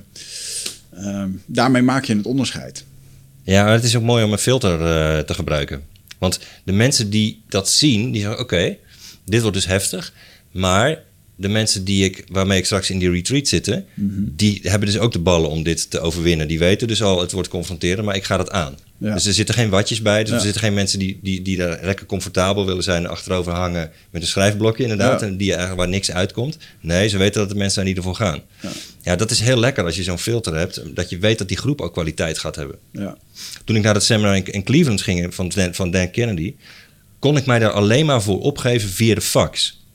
Niet omdat hij een fossiel is, maar hij cultiveert dat trouwens helemaal. Dat hij, eh, je kunt met hem alleen communiceren via de fax. En hij, hij werpt gewoon zoveel mogelijk barricades op, zodat je. eh, ik kon ook alleen maar informatie terug ontvangen als ik een faxnummer opgaf. Dus ik moest ook nog eens een keer faxen kunnen ontvangen. Ja. Met informatie over de praktische details van dat seminar. Ik dacht, Ja. ja, kak. Dus ik, ook, ik heb toch geen fax meer sinds 1997. Dus dan moest ik ook een online een faxnummer gaan regelen. Maar ik wist waarom die het deed. En ik wist dat iedereen die, dit, die dit, diezelfde irritante handelingen moet doen als ik nu, die heeft het ervoor over. Ja. En ik weet dat er straks kwaliteit in die zaal zit. Ja, ja en wat, ik dan, eh, wat mensen vaak dan een fout maken, denk ik, als ze bijvoorbeeld naar zo'n evenement gaan of bijvoorbeeld naar een Michael Pilarczyk waar 500 man zit, dat je dan denkt, nou, dat is een mooi evenement, dat, dat zou ik ook wel willen. Maar niet wetende dat vier jaar geleden ehm, eh, ik met Michael en zes anderen in een, in een klein restaurantje zat, waar je op een soort van, eh, ik had er even gebeld en op een soort van aanvraag, eh, nou kon ik daar dan naartoe en dat was super exclusief. Maar vanuit daar is het wel naar die 500 toegegroeid. Ja, dat Ja. vind ik magisch om te zien hoe hij dat bijvoorbeeld heeft gedaan en echt zo zijn eigen publiek heeft opgebouwd. Ja. En ook in Amerika. ik was vorig jaar naar Brandon Burchard gegaan. Ook echt topmarketeer. Ja, er staat gewoon 700 man. Er staat helemaal los te gaan op hem. Ja. En, op, en die vinden alles Mooi. mooi. wat hij zegt. Dat vind ik, en die komen uit, eh, je weet het zelf, eh, die gaan met vliegtuigen en dingen komen ze daar naartoe. Ja. Daar gaat veel geld in om, jongen. Dat al die mensen daar komen om, eh, om dat allemaal te horen. Ja, vind Ja. ik echt wel, wel gaaf. Tof. En dan heb je echt een, ehm, een aanhang gecreëerd, als het ware. ja. Als je nu kijkt naar ehm, ehm, webshops in Nederland. Is dat nog een doelgroep voor jou ook, of niet? Ja, niet echt dus. mee? Niet echt meer. Nee, want ik kan me nog Niet herinneren. heel dat- erg, nee. Ik kan me nog herinneren dat ik een keer op jouw website zag dat je dan een dag met je over jouw webshop heen kon kijken. Dat je ze daarmee ging helpen en zo. Ja, dat, maar meestal zijn er mensen die voor zo'n dag komen, dus voor zo'n VIP-dag. Dat zijn mensen, dat zijn dienstverleners of, of traincoaches. Eigenlijk zonder uitzondering. Dan, dan ga ik het onderwerp veranderen. Eh, eh, en jij zou dus zeggen, oké, het bouwen van een mailinglijst is een absolute must. Ik hoor die Amerikanen daar ook alleen maar. Je verkoopt nergens zoveel als in je e-maillijst. Eh, ja, en, maar je koopt nog meer met je, met je direct maillijst. Oké, Dat is ook waar dat, waar dat seminar in, eh, in Cleveland over ging. Dat ging alleen maar over direct mail. Het ging over marketing via de post. oh, Dat is ook een bloedinteressant onderwerp, man. Dat is fantastisch. Ik, heb, ik, ik ben eens gaan kijken. Want die Amerikanen die liggen in principe tien jaar voor op ons qua, eh, qua direct marketing. Hè? En internet leent zich natuurlijk heel goed om allerlei vormen van direct marketing te doen. Omdat het zo makkelijk is en het is bijna, bijna gratis. Ja. Tenminste als je het over e-mail eh, hebt. Ehm Dan Kennedy kwam met allemaal voorbeelden aan op dat podium. Die zei van ja, als je kijkt naar wat de, de, online, de grote online partijen eh, doen en waar ze het beste resultaten mee hebben. Dat is met mail, mailpacks. En niet een mailpack zien van Google, een mailpack van Facebook, een mailpack van Mi- Microsoft, een mailpack van LinkedIn. Die zijn dus gewoon enveloppen aan het sturen naar bedrijven. Om bijvoorbeeld Google, die over AdWords via de met papieren marketinguitingen klanten, klanten binnenhaalt voor hun online advertentieplatform. Ja, van die, ja, hon- klopt. van die krijg je 100, zo'n kortingscode. Ja, en 100 dan, euro eh, te ja, goed hoor. inderdaad. Ja, en niet alleen die kortingscodes die vaak in die, in die tijdschriften zitten en zo, waar ze mee flyeren, maar ook eh, echt, echt mailpacks daarover. Ja. En ehm, daar, zie je, daar zijn de Amerikanen meestal nog juichender over, over de resultaten via, via ehm, papieren mail. Ja, en dat is, gewoon, dat is ook een super interessant eh, gebied om naar te een, kijken. eh, sorry dat ik je onderbreek, maar maak je verhaal af. Of was je... Nou ja, ik ben, ik ben dus gaan kijken van waar. Ik realiseer van, ik krijg eigenlijk haast nooit eh, direct mail, verkoopbrieven of gepersonaliseerde eh, marketing via de post, zeg maar. Ja. Ik dacht, nou, misschien sta ik op allerlei, heb ik mezelf geblokkeerd dat ik dat niet wil ontvangen. Dus, En bij de, je kunt op postfilter.nl, geloof ik, voor je privé persoon kun je dan een filter aan of uitzetten. Ja. Dus ik heb daar toen contact mee opgenomen en zet alles maar uit. Je bent toch krijgen. ondernemer. Je wordt toch helemaal kapot gesmet met allerlei eh fundverstrekkers en eh Nou, ik ben daar ook bij de KVK. leasewagens. En, De KVK is een grote mailinglijstverkoper. Ik ben gaan kijken van nou, wat zijn nou eh, de filters die ik daar aan heb staan. Uit laten zetten. Ik krijg nog steeds niks. Ik krijg haast nooit iets. nou, spammers van Nederland. Eh, Wil Heb je je postadres even heb ik het dus over papieren mailingen. Hè? Dus nee, niet het. via iemand, maar papieren mailingen. Er wordt gewoon relatief heel weinig mee gedaan. Nee, eh, eigenlijk is het enige van interesse wat er tegenwoordig nog echt in de post zit. En daarom denk ik dat je, je might be onto something here. Ehm, het is inderdaad of folders. En de echte persoonlijke brieven zijn vaak klote nieuws. Want dat zijn of de blauwe enveloppen of die van het CIB. Ja, klopt. En als er, echte, eh, en als er iets een keer iets handgeschreven tussen zit. Bijvoorbeeld, nou, in ons geval was dat dan eh, wat hier achter ligt. Dit is trouwens de leukste brief. Dit, dit soort brieven wil je eigenlijk in eerste instantie niet zien. Oh, Maar dit- ransom, dit is echt- een ransom note. Superleuk. Ja, nee, maar dit is van een luisteraar. Die heeft daar tijd en moeite in gestoken. Dat is echt super vet. Ja. Maar zulke brieven, als je gewoon echt brieven met aandacht, Ja. waar iemand aandacht aan je heeft besteed, die Ja. krijg je ook nog per post. En Ja, als je er daartussen zou zitten, Ja. tussen die rotbrieven en de folders, met een leuke aandachtsbrief, Ja. dan snap ik dat dat effect heeft. Ja, maar dat is ook het probleem. Dat vaak, het zijn rotbrieven. Dus het va- en, en een van de redenen dat het rotbrieven zijn, is vaak ze willen met. Het is, het is one shot. Dus ze- sturen één ding uit en dan, hoop, nou, dan hopen ze. Oh, we sturen een kaart uit met een aanbieding voor onze kledingzaak. En dan Ja. hopen dat er weer mensen jasjes komen kopen. Dat is het. En ze zonder uitzondering, ook goede doelen die verkoopbrieven sturen, zonder uitzondering. Ze sturen één keer een mailing uit, that's it. Dus er wordt niet, het wordt niet gecombineerd met andere kanalen. Niet met mail, met e-mail, niet met telefoon. Niet met, eh, meestal ook niet met advertentiecampagnes of, of radio-tv. En het wordt altijd maar, je krijgt maar één contactmoment. Ja, hè, niet, hè? niet, niet met telefoon? Ik weet niet Dat op welke lijst je staat. Ik wilde er ook op komen te staan, want ik word echt helemaal kapot gebeld door hoop, allerlei als jij op die eh, lijst staat, ja. laat me even weten. Ik wil ook op die lijst. maar ik, ik krijg alleen maar brieven van, weinig eh, van, die krediet, eh, van die kredietverleners. Weet je hoe dat en zo, komt? je. Omdat eh Nutrofit tegenwoordig op mijn adres staat geregistreerd, denk Ah, ik. En natuurlijk. mijn nummer in het KVK staat. En dan, dan krijgen ze mij te pakken. Ja, hoor. Hoe krijg jij vaak- veel? Nou, hoe vaak ze mij wel niet aanbieden om een eh, stroompakket eh, over te zetten naar iets anders, omdat ik in aanmerking kom voor zakelijke stroom en dat soort bullshit. Nou, hoe je. Eh, nou, to- nou, sinds ik het niet meer oppak, Ja, we zijn eh, twee, drie keer per week is wel. Dan heb je het over telefoon. Ja. En, en via de post? Eh, via de post, nee, zijn het vooral van die funding circles en dat soort dingen. En, eh, Ja. Maar toch wekelijks wel eh, een x-aantal brieven waar ik Fucking denk, ja, waar moet ik hiermee? Weg ermee. Ja. Ja. Schijnbaar werkt het dan nog steeds. Ja, het werkt. Het werkt de, de, de cijfers van de Amerikanen zijn in ieder geval dat het, dat het echt extreem goed werkt. Maar dan moet je het wel goed aanpakken. Dus niet wat de meeste bedrijven doen met één one-shot, zeg maar. Ja, in Nederland, eh, de club die dat het beste deed volgens mij, tenminste destijds toen ik nog marketing studeerde, was Centraal Beheer. Die hebben dat ook een tijd lang als echt eh, hoeksteen van hun eh, strategie nog gehad. Ook Ja. eh, in de dagen dat het internet en, en het allemaal naar mail ging. Ja. Zij zijn direct mailers. Zij blijven gewoon eh, Ja. eh, post sturen. Ja. Ja, ik vind het zelf super, super interessant. Ook omdat ik er nog nooit iets mee gedaan heb. En ik ben daar nu eh, naar aan het kijken hoe ik dat in mijn bedrijf kan gaan doen. Ja. Echt heel leuk. Sowieso interessant. Toen ehm, eh, die Brandon Bouchard vertelde eh, wat zijn marketingstrategie met Tony Robbins. En dan ging nog steeds over dvd's en zo. Dat hij zei van waarom verkoop je in hemelsnaam nog dvd's? Niemand die dingen kijkt. En eh toen had Tony gezegd, het gaat er gewoon om dat jij met je gezicht bij iemand thuis ligt. Dus dat die, dat die geconfronteerd wordt met je. Ik heb bijvoorbeeld mijn werkboek, lekker heel narcistisch, heb ik gewoon mijn eigen hoofd op. Ja. Maar ik weet wel dat dat, dat boek gaat mee naar huis. En dat komt er een keer uit de kast. En, en zo denkt iemand misschien wel een paar keer per jaar... of een paar keer in zijn leven nog even aan of wat dan ook. Ja. En ik ben er nu... eh, En je levensgrote logo was niet, zeg maar, zeg maar, intrusive genoeg. Daar moest ook een full color foto van je gezicht bij. eh, ja, Ja, oké, check. Ja, dat is gewoon, ja, ik, vind, ik vind, maar dit, heeft, dit is gewoon branding, weet je wel, voor mij. En ik denk ook, eh, ik, wil nu, ik ben nu bezig om een mini-folder te laten maken. Straks op evenementen waar ik eh, zelf spreek. Of waar ik tegen gereduceerd tarief eh, spreek of wat dan ook. Dat ik dan zeg, oké, dat is prima.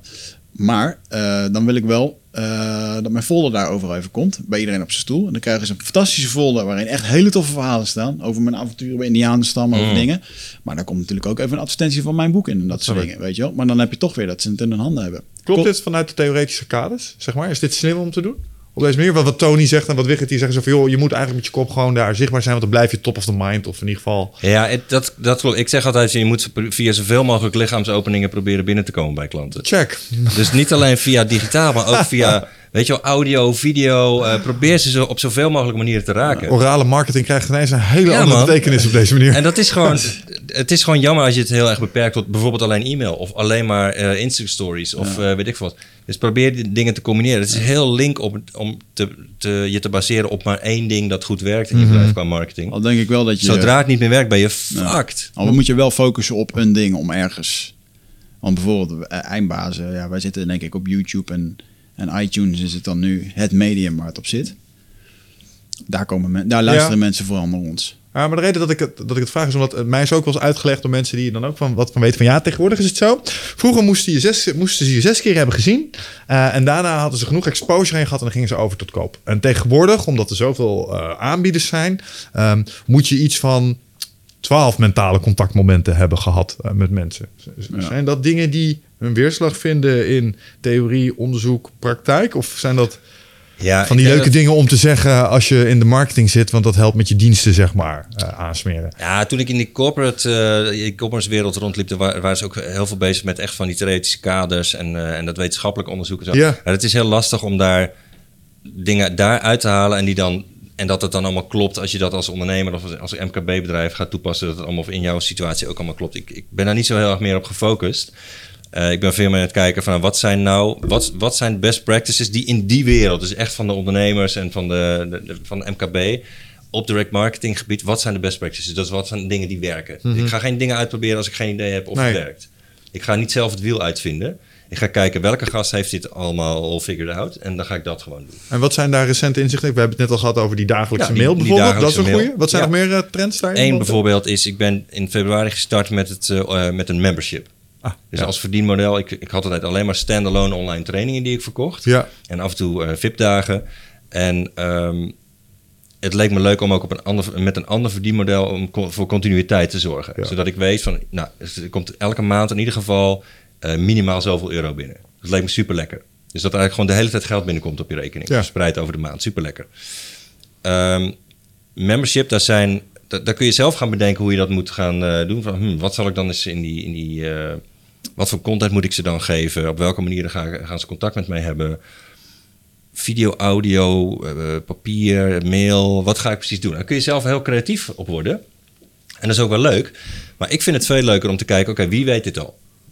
Zo- Zodat ik, het, zodat ik vervolgens het kan modelleren naar diegene die er al succesvol mee is. En daar creatief mee worden. Ja. Zodat ik een formule heb waarvan ik al weet dat die werkt. Ja. En die ga ik dan helemaal uit Jan maken. Dus ik, zodat het helemaal niet meer lijkt op wat die andere gast doet. Die daar super, super, super succesvol is. Dus ik heb gekeken naar wat bijvoorbeeld Ben Saddle doet. Dat is die, die copywriter waar ik het over had. Maar ook Matt Fury. Dat is ook een, een, eh, iemand in de martial arts wereld die dit al eh, een tijd lang zo doet. Eh, Dave, die, die hebben een, een membership, wat ik heel grappig vond. Ben Saddle heeft een membership over daily e-mails. Ja. Hoe maak je dat succesvol? En zijn membership bestaat uit dat hij elke maand een krantje stuurt. Een papieren krantje. Hij is dus geen, eh, die, het is geen digitale content. ja, dat heet een abonnement trouwens. Ja, Ja. dus hij krijgt een, eh, je, je, je krijgt een newsletter van hem. Gewoon een papieren Ja, oh, wat newsletter. grappig, ja. Die wordt gefedexed elke maand. Betaal ik 100 dollar voor. Voor een krantje van 16 pagina's. Super waardevolle content. Maar het is niet digitaal. En. Het gaat over e-mail. Ja, dat vind ik heel grappig. En dat werkt voor hem heel goed. Hij doet dit al negen jaar. En hij heeft uh, de, de, nou ja, echt rabiate volgers, waar ik er ook eentje van nu ben. Bijzonder. Heel grappig. Uh, en dan denk ik, oké, maar dit is dan uh, Amerika. Want ik, als ik dan zo in zo'n zaal zit, dan denk ik, wauw man, er zitten zoveel mensen hier. In Amerika ligt het geld echt voor het oprapen, zou je dan bijna denken. In Nederland denk ik dan nog wel eens, maar dat is misschien mijn klein denken. Of we niet, niet goed in kaart hebben van de markt. Van, is dat in Nederland wel? Kan, kan dat wel in Nederland? En dan ja. zijn er natuurlijk de Ilko de Boers en uh, andere bekende na namen die uh, succesvol zijn online in het ondernemen. Um, ja, ik ja ik, wat is, wat, dat wil ik even die vraag ook dan even aan je stellen. Is die, is die markt er ook in Nederland, denk je? Of moet je die creëren? Of, of... Ja, dat, de Amerikanen in mijn mastermind die zeiden dat ook elke keer tegen mij van... gast, als jij een boek hebt over hoe je op nummer 1 komt met je, met je zakelijke boek... heb je dat in godsnaam ook voor mij in het Engels. Ik wil dat nu lezen. Waarom, waarom doe je dit niet in het Engels? Er is een enorme markt voor. Ik zeg ja, dat is hartstikke leuk. Maar dan moet ik, sowieso moet ik vanaf nul weer beginnen. Um, en ik heb nog niet het gevoel dat ik de markt in Nederland heb, uh, helemaal heb. Dus daar, is in Nederland en België nog voldoende groeimogelijkheid. Plus dat je. Uh, ik zelf heb dan persoonlijk nog een nadeel dat ik als, als. Van origine ben ik copywriter. Ik word door veel mensen nog zo gezien. Ik heb geen credibility als copywriter in een vreemde taal. Ja, dat werkt niet Misschien een beetje, want je bent wel een Nederlander. En wij Nederlanders hebben een bepaald marketingvoordeel in het buitenland. Als het gaat om de perceptie van ja, ons land alleen misschien. al. Holland, Holland Design, man. Holland Design, stop. En dat niet alleen, maar we zijn doortastende lui. De buitenlanders kijken echt naar ons als het volk dat voor, uh, zeg maar aan de rand van een zee stond en dacht... weet je wij gaan doen? We gaan hier land van maken, weet je wel? Ja. Uh, zo worden we gepercipieerd. We zijn uh, doortastende lui. Dat ja, dat had ik nog niet gezien. Het zou best kunnen dat het als Hollander dat je dat kunt, uh, kunt laten, laten, werken. Maar ik denk ook dat, uh, houd er ook rekening mee dat alles in de Engelstalige markt is al gedaan. Ja. Dus je bent niet meer de first mover, dat voordeel kun je al niet pakken. En ze lopen daar tien jaar op ons voor. Ja. Dus het, ik vind het veel interessanter om daar aan de bron te gaan drinken. En mijn favoriete daarbij is dan Dan Candy, omdat die eigenlijk de bron is voor al die bekende namen. En dat dan naar Nederland te brengen en dat helemaal te modelleren naar mijn eigen stijl en ook de Nederlandse situatie. Ja. Omdat niemand dat hier nog doet. Heel, Bijna niemand is met die daily e-mails ja, bezig. Bijna, bijna, niemand doet direct mail goed. Dat vind ik veel leuker. En bovendien, ik heb twee kinderen. Ik, dan hoef ik ook niet de hele tijd daarheen. Nou, dat, is, dat is misschien een, dat is gewoon een hele praktische afweging. Maar aan de andere kant, als je... Um, uh, wat je doet, je gaat naar al die bronnen uh, om je daar zeg maar, aan de kennis te laven. En wat, wat uh, super mooi zou zijn, want ik denk dat dat is, iets is wat, wat er nog niet is. Ja, ze lopen daarvoor. Maar waar ik bijvoorbeeld een Tim Ferriss echt super succesvol mee zijn, is kapitein meta zijn. Dus over ja. al die dingen heen kijken. En want ja. ik hoor je zeggen, oh, ik vind het mooi om formules bij elkaar te rapen. Arjan van te maken. ja, en als je ze dan ook nog eens in een logische volgorde met elkaar zet uh, dan ga je er een soort overheen hangen. En ja. dan zit daar de toegevoegde waarde. Want uh, die marketingketen bestaat uit meerdere specialismen bij elkaar. En wat nou als jij eens die doet bent... die al die wetmatigheden in een bepaalde volgorde zet met elkaar. Want dat is er nog niet. Dat heb ik nog nergens gezien. Ja. En als je dat leuk vindt en al kan in het Nederlands... want laten we wel wezen, dit kan zo in het Engels vertaald zijn, hè? Dat, dat is een ja. vertaler erop zetten. Ja, je, ik bedoel, je, je hoeft niet vanaf nul te beginnen. Dus niet dat ik je naar het buitenland wil hebben, maar misschien heb je al meer uh, van de ingrediëntjes in handen als ja, je realiseert. Dat, er zijn een aantal ingrediënten, maar het, op dit moment is het voor mij geen, uh, geen aantrekkelijke stap. Ik heb nee, nou ja, uh, als het buitenland je ook niet aantrekt omwille van familie en dat soort dan ja, kan het natuurlijk altijd. Het speelt ook mee, ja. ja. Ik zit dan denken, als ik jou zou zijn en ik weet het, het netwerk waar je in zit en het, ik heb ervan gehoord, van gelezen, van gezien, um, dan zou dat je springplank moeten zijn. Dat je gewoon zegt van, hé, hey, ik heb het nu in het Engels, wie kan me helpen? En dat die jou gewoon introduceren en dat je daar je eerste duizend volgers mee, ja. uh, mee hebt. Ja, nee, dat zijn zeker, zeker goede ideeën hoor. Maar ik heb er zelf, uh, ik vind het zelf nu leuker om ja. uh, zeg maar die koe die in Nederland staat gewoon te melken. En die, ja, die er zit nog zoveel in joh. Dus het is echt nog, het is nog genoeg te halen. Ja, dus er is nog heel, er is, ja, er is nog hoop inderdaad voor. Er is hoop. er is altijd hoop. Maar je weet, daar, hoop is de eerste stap richting teleurstelling. Dus. True. Hoop is een uitgestelde teleurstelling. Ja. ja. Nee, maar ik denk, dan moet je het gewoon gaan doen. Want inderdaad, niemand doet het. Uh, er zijn een aantal die maandelijks abonnementen aanbieden. Uh, maar ja, dan is het gewoon het stemmetje in mijn hoofd die dan zegt... Uh, zit Nederland daar wel op te wachten? Sure. ja, maar als je ja. gaat kijken naar wat, wat er voor... wat allemaal al memberships zijn. Ik bedoel, bijna alle software is nu subscription. Ja, ja joh. Als je kijkt, Office 365... Ik wil net zeggen, Office, mijn Office. Dropbox, Evernote... Spotify, Netflix. Spotify, Netflix, ja. Hoor. ja. Ja. Maar ook auto's, fietsen, eh, maaltijdboxen. Ja. Het is echt een mega dikke, vette economische trend om eh, alles eh, subscription-based te krijgen. Als je, ik heb laatst ontdekt dat de generatie na de millennials, na, zeg maar, na de hipsters, dat zijn, die worden de digital natives genoemd. Aha. En die hebben veel minder met bezit van fysieke zaken. Ja. Omdat die ook nooit een kast met cd's en dvd's hebben gehad en met boeken. Nee, want het is allemaal virtueel Dat is beschikbaar als natuurlijk. boeien. Ja. Dus die hebben gewoon, als het streaming is en op een abonnement gebaseerd, Daar heb ik vinden ze perfect. bij stilgestaan. Maar mijn neefjes hebben een compleet andere relatie met hun video, videospelletjes als ik. Omdat ik vroeger naar een winkel ging om ze te kopen. Ja. Dan kwam ik terug met een doos. Dan moest ik de cd of de diskettes vroeger nog erin stoppen. Ja, te wachten. Zat er een fout op je diskette. Was je echt helemaal te schaar. Maar zij downloaden het alleen virtueel. En de enige plek waar zij hun games hebben is in een dashboard. Ja, Weet je hoe lang, ik, hoe lang mijn ma heeft lopen zeiken dat ik mijn dozen met videobanden een keertje Ja. uit ging zoeken. En eh, dat ik dacht, nou, vind ik wel bewaren. En nu op een gegeven moment heb ik gewoon gezegd, weet je, flikker ze Lekker, maar ga, ga maar. ja. ja. Hoeveel Nico tapes zaten daar nog tussen? Van die, van die free fight Ja. van de, ja, van de free record shop. Ja, van die bakken lagen waar je voor een euro dingen kon kopen. Ja. ehm, en ehm, eh, ja, het, het abonnementen ding, dat zal ik eens... Ik wil ook eens zo'n abonnement. Want dat wat je zegt van die continue cashflow, dat is wel echt een hele... Subscriptions, ja. Nou, is online leeromgeving is in principe een subscription. Dus de- dat wat jij doet, dat, dat kan je ook gewoon je masterclass online neerzetten. En ze niet per stuk verkopen, maar ze gewoon toevoegen aan die online omgeving. Ja. ja. En mensen daar gewoon een jaar eh, licentie voor laten Ja. betalen. Ja, kan, ik vind dat zelf geen leuk model. Ik, ben laatst, ik was laatst in Engeland op een, eh, een, een conferentie over memberships. Dus, eh, er waren 150 mensen van over de hele wereld die allemaal een membership site hebben. En dan zie je een beetje wat de verschillende eh, modellen zijn die ze gebruiken. En heel veel daarvan, eh, die hebben een model waarbij je, je, wordt, je wordt member en dan krijg je de, de sleutel naar de vault. Ja. Dus en, de, en de, de kluis gaat open en dan krijg je echt toegang tot alles. Ja. Ja. Snap je? Ja. En ik, ik, zou, ik klap er helemaal dicht als ik toegang krijg tot alles. Ik heb ook wel zo'n membership genomen.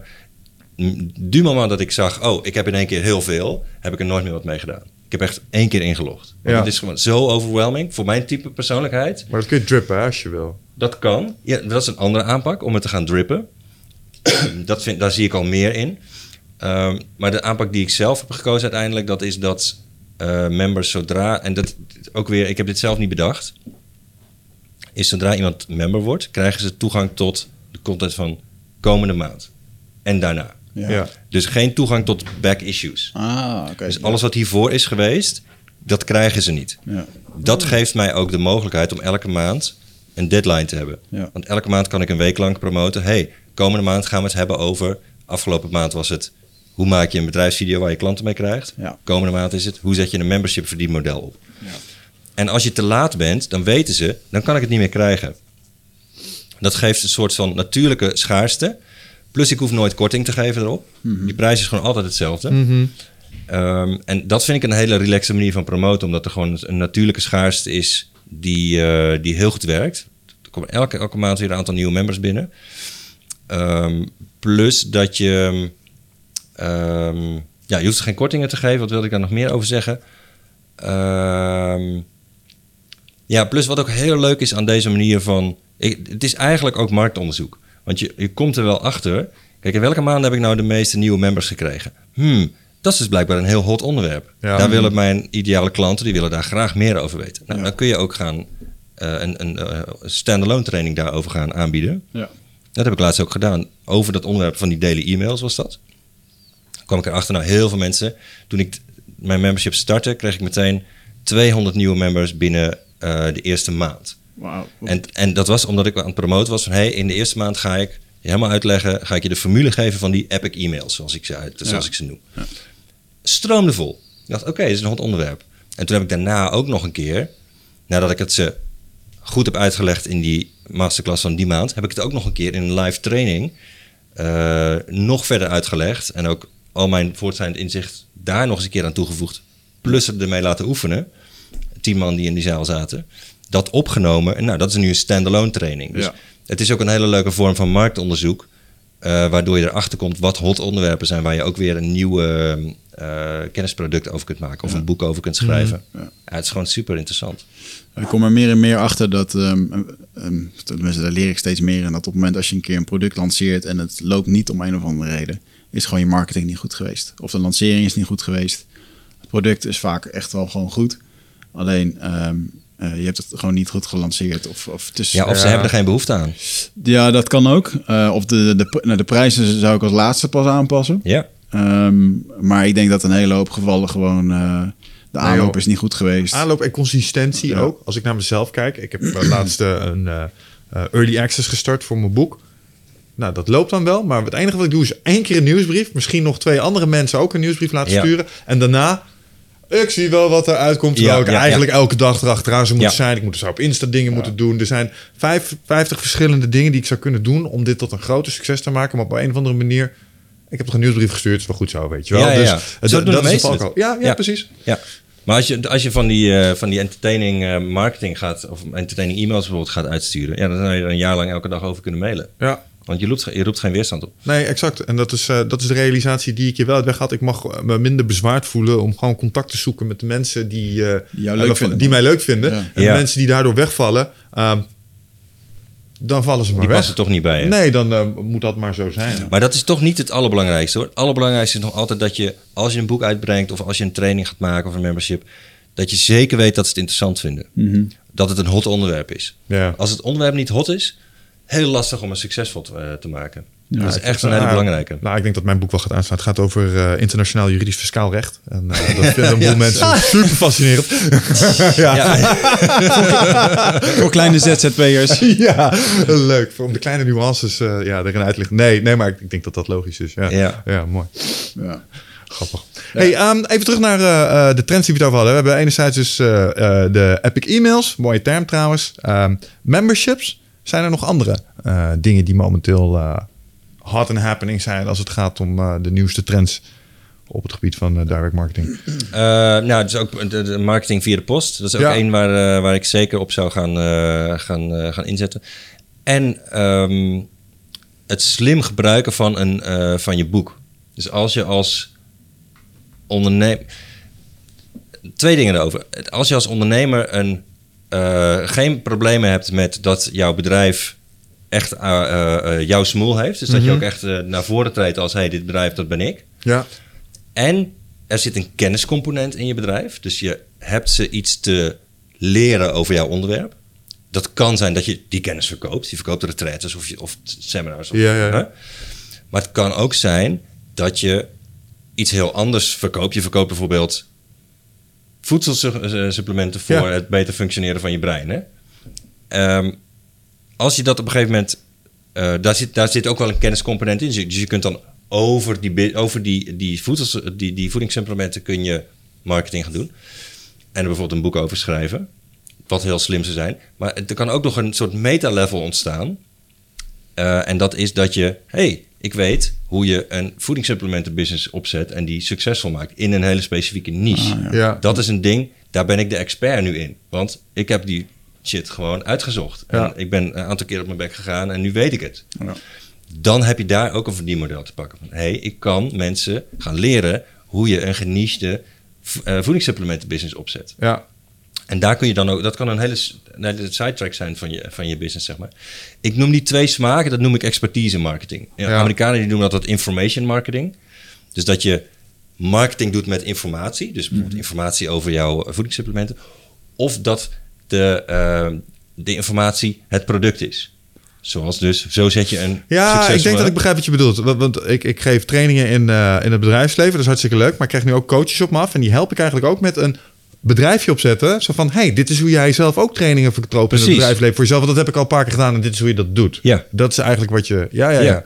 Ja, dus die twee, die En twee hoe doe je dat dan met je... Hoe breng je dat samen met je boek dan? Want daar hadden we het over. Ja, nou, zo'n boek is een ideaal middel om te gebruiken als ehm, marketing. Alleen wat, wat, heel, wat ik heel veel experts zie doen, heel veel eh, de, de, eh, experts die in mijn, in mijn, ik heb er nu dus ook die training over gemaakt, zo van nou, zo kom je op één. En ehm, heel veel van die ondernemers die ik daarin krijg, als ik die spreek, die, dan kom ik erachter dat wat ze aan het doen zijn, is dat ze hun magnum opus aan het maken zijn. Dus die zetten echt alles wat ze weten, proberen ze in dat boek te krijgen. Ja, schuldig. 100% schuldig. Ja. ja. en dat is ook, want je hebt zoveel te geven. Je, hebt, je weet er ook zoveel van. Het is een hele logische stap om dat te doen. En het de, de, het risico dat je daarbij loopt, en ik zeg niet dat dat bij iedereen zo is, maar wat ik heel vaak zie gebeuren, is dat die boeken dan, dat wordt een omgevallen boekenkast. Dus dat wordt gewoon overwhelm. Dus je wordt gewoon doodgeslagen met te veel informatie, zeg maar. Dat is, Ik kan me niks meer voorstellen wat je zegt. Dat gaat gebeuren in mijn specifieke geval. Nee hoor. dus als je een... eh, ik begin inmiddels mild zorgen te maken. Ga vooral door, ja. Eh, dus zo'n boek kun je schrijven. Ik zeg niet dat er iets mis mee is, maar het is alleen voor een eh, lezer is dat moeilijker te verteren. Het is gewoon veel. Eh, wat je ook kunt doen, is ervoor zorgen dat je boek eh, wordt, ge- ge- leuk wordt gevonden. Dus dat ze denken van, hé, het is gewoon lachen. Het is gewoon echt eh, leuk om, om te lezen. En luchtig en het is, er zit heel veel story en er zit heel veel entertainment zit erin. En Ja. je probeert ze niet tienduizend dingen te leren, maar gewoon een paar hele goede inzichten. ja, ja, ja. En vervolgens dat als een, als een opstap gebruiken naar wat je daarachter nog aan, aan de, aan de back-end, zeg maar, nog aan ehm, eh, dingen te verkopen hebt. Bijvoorbeeld een membership achter je boek aanverkopen. Ja, of ja. een online training. Als een soort opstapje eigenlijk. Ja. ja. Ja. En dat, dat vind ik heel leuk. Dat, dus zo'n verdien in, mijn, in de verdienmodellen waarin ik met, aan mijn, eh, met mijn klanten aan werk, er zit altijd wel het boek in als het, eh, zeg maar in de, in de low end van het, eh, het aanbod. Precies. Om ervoor te zorgen dat, dat je ook een soort van instappertje hebt waar mensen op kunnen, Ja. Het is heel waardevol om een lijst van klanten in je business te hebben die al wat geld aan jou hebben uitgegeven. Ja. Dus niet van die lurkers, van die, zeg maar, die freeloaders waar ik het eerder over had. Van mensen die jarenlang op je mailinglijst staan om je, en jouw gratis tips lezen, maar nooit wat kopen. Nee, mensen die al wat geld hebben uitgegeven. Ja, want dat is volgens mij een van die wetmatigheden. Ehm, want ik heb ook mensen gehad die hebben meegekeken naar de productpropositie. Die zeggen, ja, je moet dat laag, dat kleine instapproduct hebben. Want als ze één keer iets van je hebben gekocht, dan kopen ze de tweede, derde en vierde keer ook wel. En dan vinden ze het steeds minder moeilijk om hogere bedragen bij je uit te geven. Want dat is eigenlijk wat je doet, hè. Je funnelt een redelijk brede basis aan mensen die wel eens een keer twee tientjes aan je willen uitgeven. eh, naar die drie, vier mensen die bereid zijn om 10.000 euro voor een jaarprogramma met jou te doen. Eh, Ja. Dat is wat je probeert te doen in principe. En daar zitten een aantal producten tussen. Ja. Dat is wat je eigenlijk zegt. Ja, dat is, dat is een. Zolang iemand nog niks heeft gekocht, is die nog niet, is die, staat hij nog aan de verkeerde kant van de drempel. Ja. Zodra die over jouw drempel stapt, door je boek te kopen voor twee tientjes of iets kleins, dan is die over de drempel. Dus dan heb je het vertrouwen een keer gekregen. en dan is de kans ook groter geworden dat je het vertrouwen vaker gaat krijgen. Ja. En dat is niet. Het is niet zo dat ze dan het trapje allemaal oplopen en dat dan uiteindelijk allemaal bij die masterminds van 10 mil uitkomen. Kan ook, er zijn ook mensen die kopen, die, ik heb ook klanten die lezen het boek en die, die boeken daarna een, eh, een, een VIP-dag van, eh, van eh 8000 euro. Ja. Hè, dus er zijn mensen die willen meteen daarheen. Ja. En, en alles wat ertussenin zit. Mensen die een boek kopen, daar hoor je jaren niks van. En daarna komen ze opeens weer in de markt voor een eh, online training of Ja. een membership. Maar het is leuk als je ze, als ze eenmaal binnen zijn, als je dan ook steeds weer wat nieuws aanbiedt. Dus steeds weer iets nieuws te verkopen hebt. Ja, logisch. Dat is ook heel vaak bij auteurs zo, dat ze hebben een boek en dat is het eigenlijk. Ze hebben daar niet echt een back-end eh, achter met producten die ze daarna nog kunnen verkopen Ja. aan klanten. Ja. En dat is heel, heel teleurstellend eigenlijk voor mensen als het doodloopt. Zonde. Want het boek was hartstikke leuk. Heb ze heel veel aan gehad. Ook als het een magnum opus is, hè, maar je hebt er heel veel waarde in gehad. En nu dan? Ja. Hoe kun je me verder helpen? Hoe ga ik dit implementeren? Hoe kun je mij persoonlijk erbij helpen? Of hoe kun je me hierop coachen? Als dat er allemaal niet is, Ja. Ja, dan gebruik je eigenlijk het hele verdienmodel niet wat, eh, wat je zou kunnen hebben. Waardoor zo'n boek een enorme eh, moneymaker kan worden. Ja, en ben je het ermee eens dat, want dat is natuurlijk ook wel uitgelegd, leuk dat je zo'n boekje hebt straks, maar het enige wat dat ding eigenlijk echt, echt voor je doet, is dat, ja, soms wordt het gekocht, maar dan wordt het misschien niet gelezen. Staat het in een boekenkast en daar komen mensen, zeg maar, uit die je dan ooit eens een keer, oh ja, we hebben hier wel eens iets over sales. We moeten die, ah, die moeten we hebben, dus die Ja. gaan we nu bellen. Dat is één, dus je wordt niet rijk van je boek verkoop, maar van de praatjes die je erover mag geven. Ja? Dat is één. En twee, ehm, eigenlijk gewoon eh brandloading. Dus als je nu straks Michel Vos zoekt, en dat gaat allemaal volgens plan, dan is een van de eerste links die ziet, nou, dat is eindbaas. En dan, oh, hij heeft ook een boekje uitgebracht Ja. bij bol.com. Ja. Zal wel weten waar hij het over heeft. Ja. Eh, en dan gaan ze door. Zo is mij dat wel eens heel cynisch uitgelegd. Vind je dat terecht? Nou, zo werkt het wel. Het is, het is, eh, het is als je een autoriteitspositie wilt innemen in je markt. Dus als je wilt zien als een soort go-to guy of iemand die ergens verstand van heeft. Ja, dan is het handig als je, eh, of dan heb je gewoon een boek nodig in feite. Dus dan, Ja. Of een podcast natuurlijk, hè.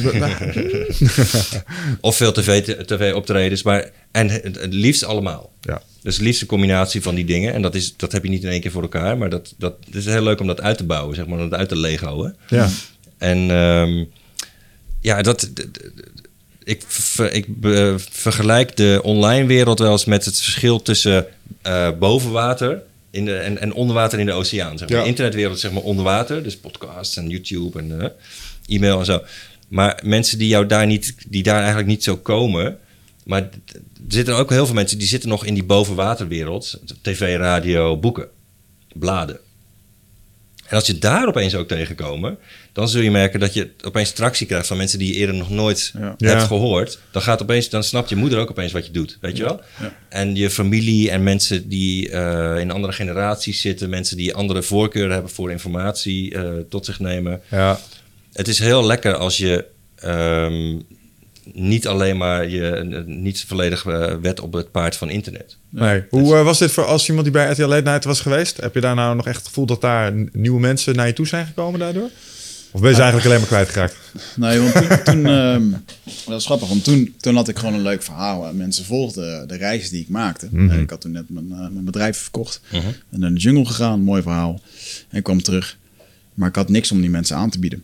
Ik gaf geen seminars, geen workshops. Eh, ik gaf ook nog geen praatjes.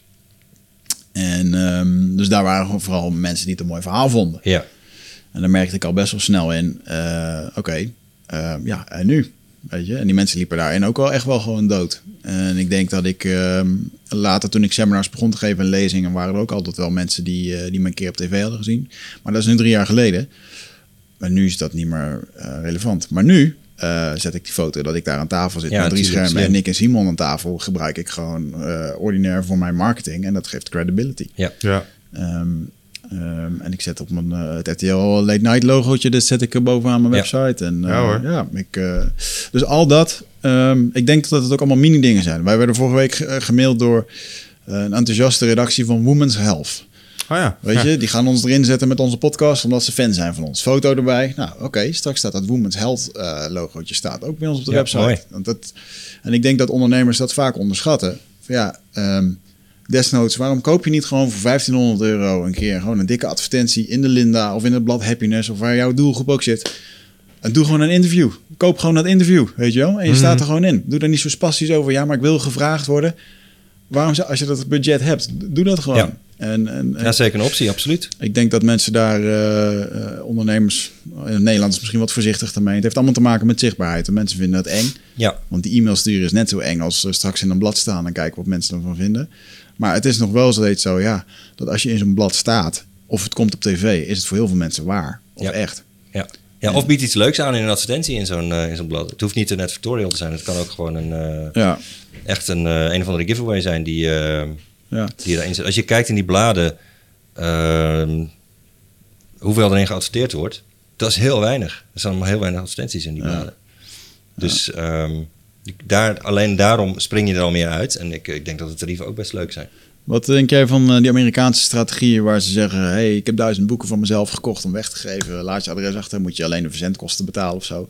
En het idee is natuurlijk dat je iemand helemaal kan tracken. Eh, Ja. Je stuurt letterlijk dat boek en vervolgens krijg je een barrage van e-mails om nog een Ja. upsell te doen. Ja, super slim. Eh, in Nederland zie je nog niet zo heel Nee, veel nee. mensen die dat doen. Ik, Daarom is het ook super slim. ik denk dat ik het voor mijn boek. eh, Ik ga, het hier- ik ga, weet je wat we doen het als volgt? Ik koop duizend exemplaren van jouw boek. Als jij nou omgekeerd zelf doet, en dan geef ik jou een boek weg en jij die van mij. Het is een, een- net iets beter dan Nederlandse maatstaven, ja, denk ik. denk dat, ik dat je weet- eigen shit ik- staat ik, denk dat ik Nee, ik denk dat ik beter mijn eigen. Ik kan toch best zeggen van jongens, ik heb duizend boeken gewoon gekocht. En Van die ga ik mezelf. weggeven. Eh, laat hier je dingen achter. Je hoeft alleen maar 5 euro verzendkosten, weet ik veel wat. En dan vervolgens krijgen ze inderdaad een mailing. Ja, en die statistieken die zo'n Brandon Bouchard dan zegt, is gewoon van, ja, luister, uiteindelijk eh, kopen mensen dus gewoon niet een boek van 14 euro. Maar ze kopen uiteindelijk een programma van je van 200 dollar. Mhm. Ja, dan moet je heel veel boeken verkopen. Wil je die er al uit hebben? Dus ook al koopt daar straks maar 5% je programma, heb je nog altijd meer verdiend dan die Ja, boeken. ja, ja, ja, ik snap hem. En dat Nou, is dat, is op zich, dat is op zich een dure aanpak om duizend exemplaren van je eigen boek te kopen.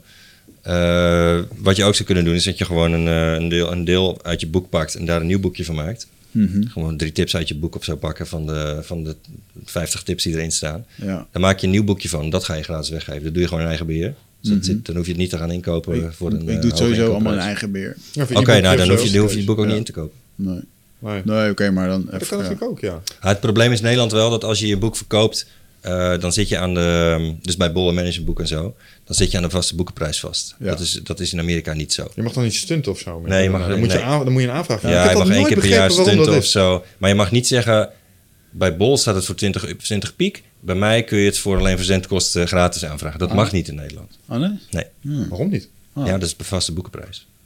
Wet- Enig de idee waarom die constructie ooit tot stand is gekomen? Ja, dat is eh, voor het beschermen van, ehm, van auteurs. Oh, ja, oké. oké. Ja. En En dat waarom, hoe zou niet- dit mij potentieel kunnen benadelen De, dan? de eerste drie jaar is het volgens mij vast. En daarna is het volgens ja, mij... nee, ik snap het. Maar ik, eh, ik ga Dat het vaarwater dus ik ben gewoon even nieuwsgierig waarom dit bestaat. eh. Dat, ja, dat weet ik ook niet precies. Maar het is ter bescherming van auteurs. En het geldt niet voor e-books en luisterboeken. Oké, dus als ik er een luisterboek Dat laatste maak... is heel interessant. Heb jij luisterboeken gemaakt? Ik heb van mijn tweede boek heb ik, eh, het e-book en luisterboek. Dus het, het, het boek zelf is door Van Dure Management uitgegeven. Ja. Bewust voor gekozen. Maar het e-book en het luisterboek heb ik in eigen beheer gedaan. Mhm. Heb ik, ik ben gewoon zelf twee, twee dagen in zo'n eh, luisterboekstudio gaan zitten. Ik heb het op, opgenomen. Professioneel laten masteren. En dat is nu een ding wat ik gewoon zelf kan verkopen. Ja, en, oh, mag ik vragen hoe je dat gedaan hebt? Want ik sta daar ook. eh, eh, ga je dan het boek gewoon echt gewoon lekker zitten voorlezen? Of ga je het ook gewoon. Heb je het vertellend gedaan? Want ik weet dat David Allen, die heeft ook sommige stukjes en dan wijdt hij gewoon uit. Dan zit je met het boek erbij. Nee, nee, nee. Zit je naar het audioboek luisteren en denk je: hé, hey, what the fuck, dit staat helemaal niet in het boek, jongen. Echt? Ja, dan pak je gewoon hele Dat stukjes kan, bij. daar zeg ik niks van. Dat zou je kunnen doen. Maar ik, ik- wat ik zelf heb gedaan, is ik zat in zo'n eh, zo'n studio. En dat was zeg maar de grootte van een, eh, een bezemkast. Zeg maar. met, allemaal van die, eh, van die slaapmatjes aan de, tegen de Ja. muur aan, weet je wel. Van die grijze spikes erop. En dan, ik, ik had een, een iPad mini op een statiefje. Zodat je niet, je hoort, je krijgt geen Maar bladergeluid. dat is juist lekker als je, als je dat hoort op de achtergrond. Nee, ik mocht alleen zo swipen, dus Oh, ja. dat je dus niks hoorde. En dat is een heel leuk proces om te doen hoor. Ehm een van die dingen die die... En die techneut die zat zeg maar... eh, de, eh, Koen van Huigenvoort, die zat eh, twee meter verderop. En die zei af en toe... Even overnieuw, je bent nog niet wakker in je mond. Ja. Dus het was als 's morgens, weet je wel. En dan moet je, je moet inderdaad heel pittig zijn in je mond. Dus heel goed het eh, gaan... Er zit natuurlijk nooit een e in. Maar ook het moet er lekker uitrollen. Goed gearticuleerd. En het is, het, is, het is heel leuk. Op een gegeven moment raak je daarmee in de flow. Heel leuk om te doen. Wel gruwelijk vermoeiend lijkt me. het was wel echt, ik was wel echt naar de kloten na een paar uur. dat eh, snap ik. Ja, dit doe je niet eh, acht uur Nee, achter nee. elkaar. Nee. Nee, het nee. is de beste manier om mijn, überhaupt het boek wat ik nu schrijf, om dat, eh, het geschreven werk, om dat echt te fine-tunen, is het om het gewoon hard op te lezen alsof Ja. ik dit al aan het doen ben. En dan denk ik, nou, dat loopt niet lekker. Oh, ja, dat- tijdens het schrijven is het ook een hele goede manier om erachter te komen waar het niet lekker loopt. Ja. Ja. Ja. Hoe, hoe vond je het op je eigen werk op zo'n manier terug te lezen? Ik denk dat je dan toch ook nog wel eens weer stukken raakt en je van, oh, oh, dit had ik eigenlijk best wel goed gedaan. Of jezus, wat een onzin is Ja, dat is een, je, je vergeet heel snel wat je hebt opgeschreven. Ja. Dus het is wel weer leuk om je Ja. eigen boek weer eens te lezen. Ja. Maar dit, is, dit is een interessante. Er staat hier eventjes die wet. Eh, het, geldt niet, het is niet van toepassing op de volgende boeken. Luisterboeken, schoolboeken. En nu komt die. Tenminste, daar denk ik dan een maas in de wet te vinden. Hmm. Tweedehandsboeken. Want als wordt ik die boeken koop, En je koopt hem weer van mij. dan zouden Ja, we ja. daar potentieel Ja, ja. mee kunnen doen. ja, succes daarmee. Ik denk dat En, dit gaat werken. oh, dat is misschien ook nog... ah, dit heb ik onlangs iemand zien. Oh, die staat, oh, er staat er wel bij. Onopzettelijk beschadigde boeken. Ehm, ja, nee. of was iemand failliet is gegaan. Ja, Leuk nee, geprobeerd. nee, maar- duizend boeken kopen en ze allemaal even zo openmaken. Ja, ja, ja. Wat, wat ook een hele goede was, wat ik die branding een keer zag doen, was een. ehm, eh, en hij had een hele podcastserie met 40 episodes omtrent een boek. En die zei, die ga ik online halen. Ja, maar je hebt wel deze USB-stick en die stuur ik voor 5 euro naar je toe. Gewoon puur om die, ook om die eerste verkoop Ja, te maken. ja. En, eh, Ik, ik weet al wat ik ga doen, jongen. Ik ga een direct mail doen. Het, het, werkt toch, die fysieke dingen. En dan ga ik gewoon een cassettebandje opsturen. En Als je ten eerste al niet weet hoe dat ding werkt, dan eh, kun je gewoon sowieso eh, kun je er helemaal niks mee. Ja. En dat cassettebandje, daar staat, misschien ken jij dit nog, daar staan van die geluiden op die je vroeger op de Commodore 64 had. Ja, dat ken ik nog. Ja, en dat moet je dus in een Commodore 64 laten. Dan krijg je een URL en daarmee kun je dan bij je website. Hoppa, zo ga ik Lachen. doen. Ja, Nee, maar ik doe denk gewoon, dat iets, ik nul inschrijvingen krijg. doe gewoon iets, iets geks. Dat is leuk hoor. En, en kijk ook wat je kunt doen om... Als, als mensen dat boek bij je kopen... Dus zorg sowieso dat je dat boek zelf kunt verkopen. En bied ze ook meteen wat anders aan. Ja. Dus laat ze niet weg. eh, de- de- een, een, een bepaald percentage van die kopers van het boek... die had er meteen ook iets achterna gekocht... als je het had aangeboden. Ja. En Dat is ook de reden dat ik mijn luisterboek en e-book in eigen beheer heb gedaan. Want dan kan ik, ik, kan het, ik, ik heb met managementboek een soort regeling. Of ik heb iets laat, technisch iets laten maken waardoor ik zelf via mijn eigen website het boek kan verkopen. Ja. Het wordt dan via het managementboek eh, verstuurd. Dus ik, hoef, ik heb geen pallets met boeken, ik hoef geen boeken in envelopjes te stoppen. Heerlijk. En ik hoef het ook niet af te rekenen. Maar ik krijg wel alle gegevens van mijn lezers. Ja. Want als bij mijn eerste boek niet 12.000 mensen hebben dat gekocht. Ik weet niet wie het zijn. Ja, dat vond ik zo gierend irritant. Ja. Zo zonde. Dus ik heb in dat tweede boek heb ik van alles gedaan, ook in het boek zelf, om eh, e-mailadressen te oogsten van mijn lezers, zodat ik contact met ze kan onderhouden. Ja. En doordat ik het via mijn eigen boeksite verkoop, kan ik ook nu een, meteen een upsell doen. Sterker nog, ik doe meteen twee upsells erachteraan. Ah, en dat op zich heb ik echt mazzel. Want ik heb, wat ik heb gedaan is, ik heb ooit een online leeromgeving gemaakt met 42 eh, uur aan video masterclasses. Mhm. Die heb ik door een onderzoeker laten omschrijven naar een boek. Ja. Dus ik had de omgeving. Dus ik heb dat wat erachter zou kunnen zitten, heb ik in principe al Cool. staan als ik je zo beluister. Want na het boek Ja. kun je het eigenlijk het meest logisch naar de online omgeving. Ja. Waar het allemaal nog een keer rustig wordt uitgelegd. En de oefeningen worden... ja, maak daar een onweerstaanbaar aanbod van. Ja, ik denk dat dat een goede volgorde is. Als En je dan kun je meteen dat, ook de marketingkosten die je bijvoorbeeld in je boeksite eh, of in, je, in het sturen van traffic naar je boeksite zou sturen, bijvoorbeeld via Ja, dat heb ik, wel, heb ik wel geinig gedaan. Wat Kun ik je heb gedaan- uithalen. Ik heb early access gedaan. Dus ik, ik kom uit softwareland. En in softwareland is het zo bijvoorbeeld videospelletjes. Ik heb videospelletjes gekocht die nog niet af zijn.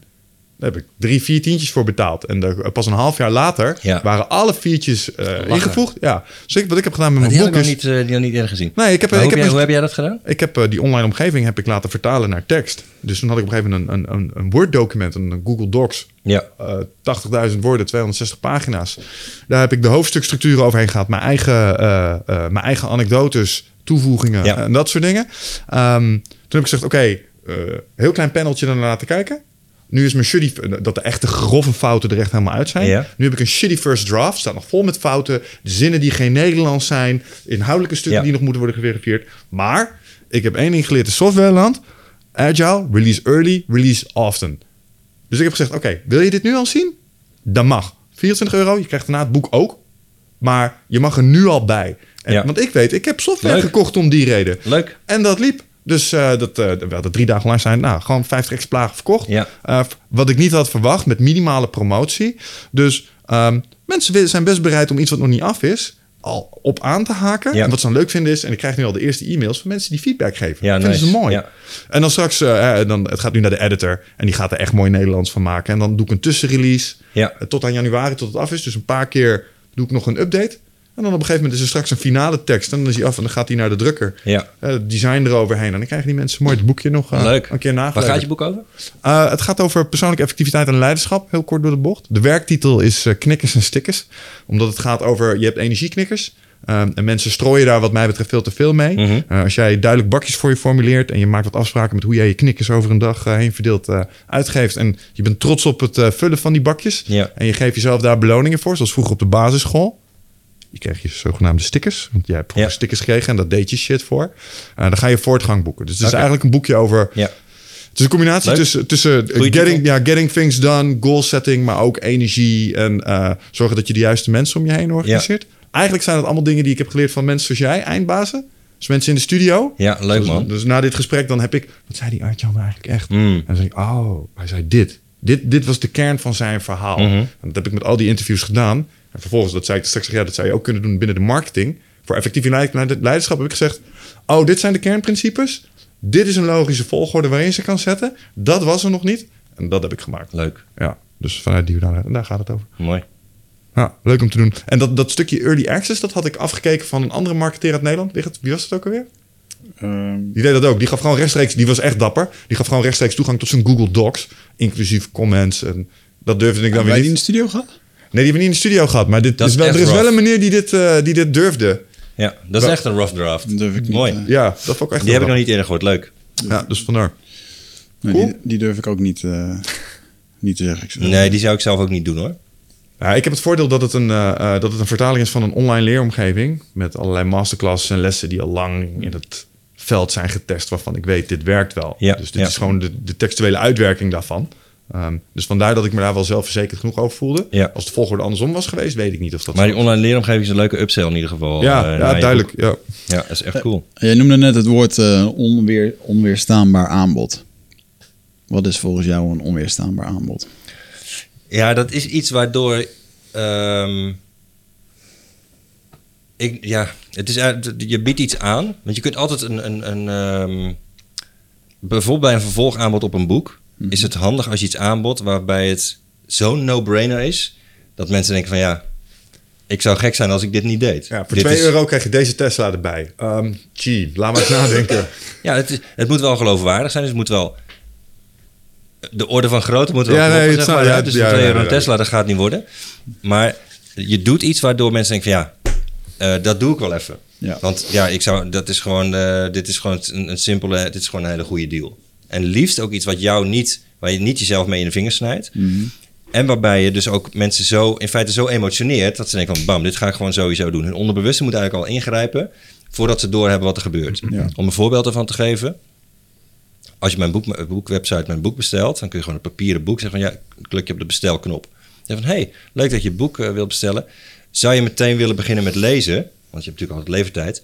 Um, neem dan ook het, uh, koop dan de bundel, want dan krijg je ook het luisterboek erbij en het e-book. En dat, dat zit dan meteen in de mail. En, dat, uh, en het boek kost 22,50. Het luisterboek kost ook 22,50. E-book kost ook 22,50. Maar als je de bundel koopt, betaal je maar 30 piek. Dus dan heb je ze alle drie voor 30 piek. No-brainer. No dus ja, dat, dat doe is je. dus no-brainer. ja, en dat kon ik doen doordat ik zelf die. Dus ik verkoop ook daadwerkelijk mijn e-book en luisterboek voor 22,50 op diezelfde website. Ja. Ze kunnen checken of het klopt. Ja. En omdat de vaste boekenprijs daar niet voor geldt, hij staat ook op Bol en op Managementboek, Ja. kan ik hem wel voor een lager bedrag aanbieden in, in zo'n bundel. Ja, En daardoor zijn ze, eh, kon ik daar een onweerstaanbaar aanbod van maken. super slim. En dit moet je natuurlijk niet verder vertellen, hè?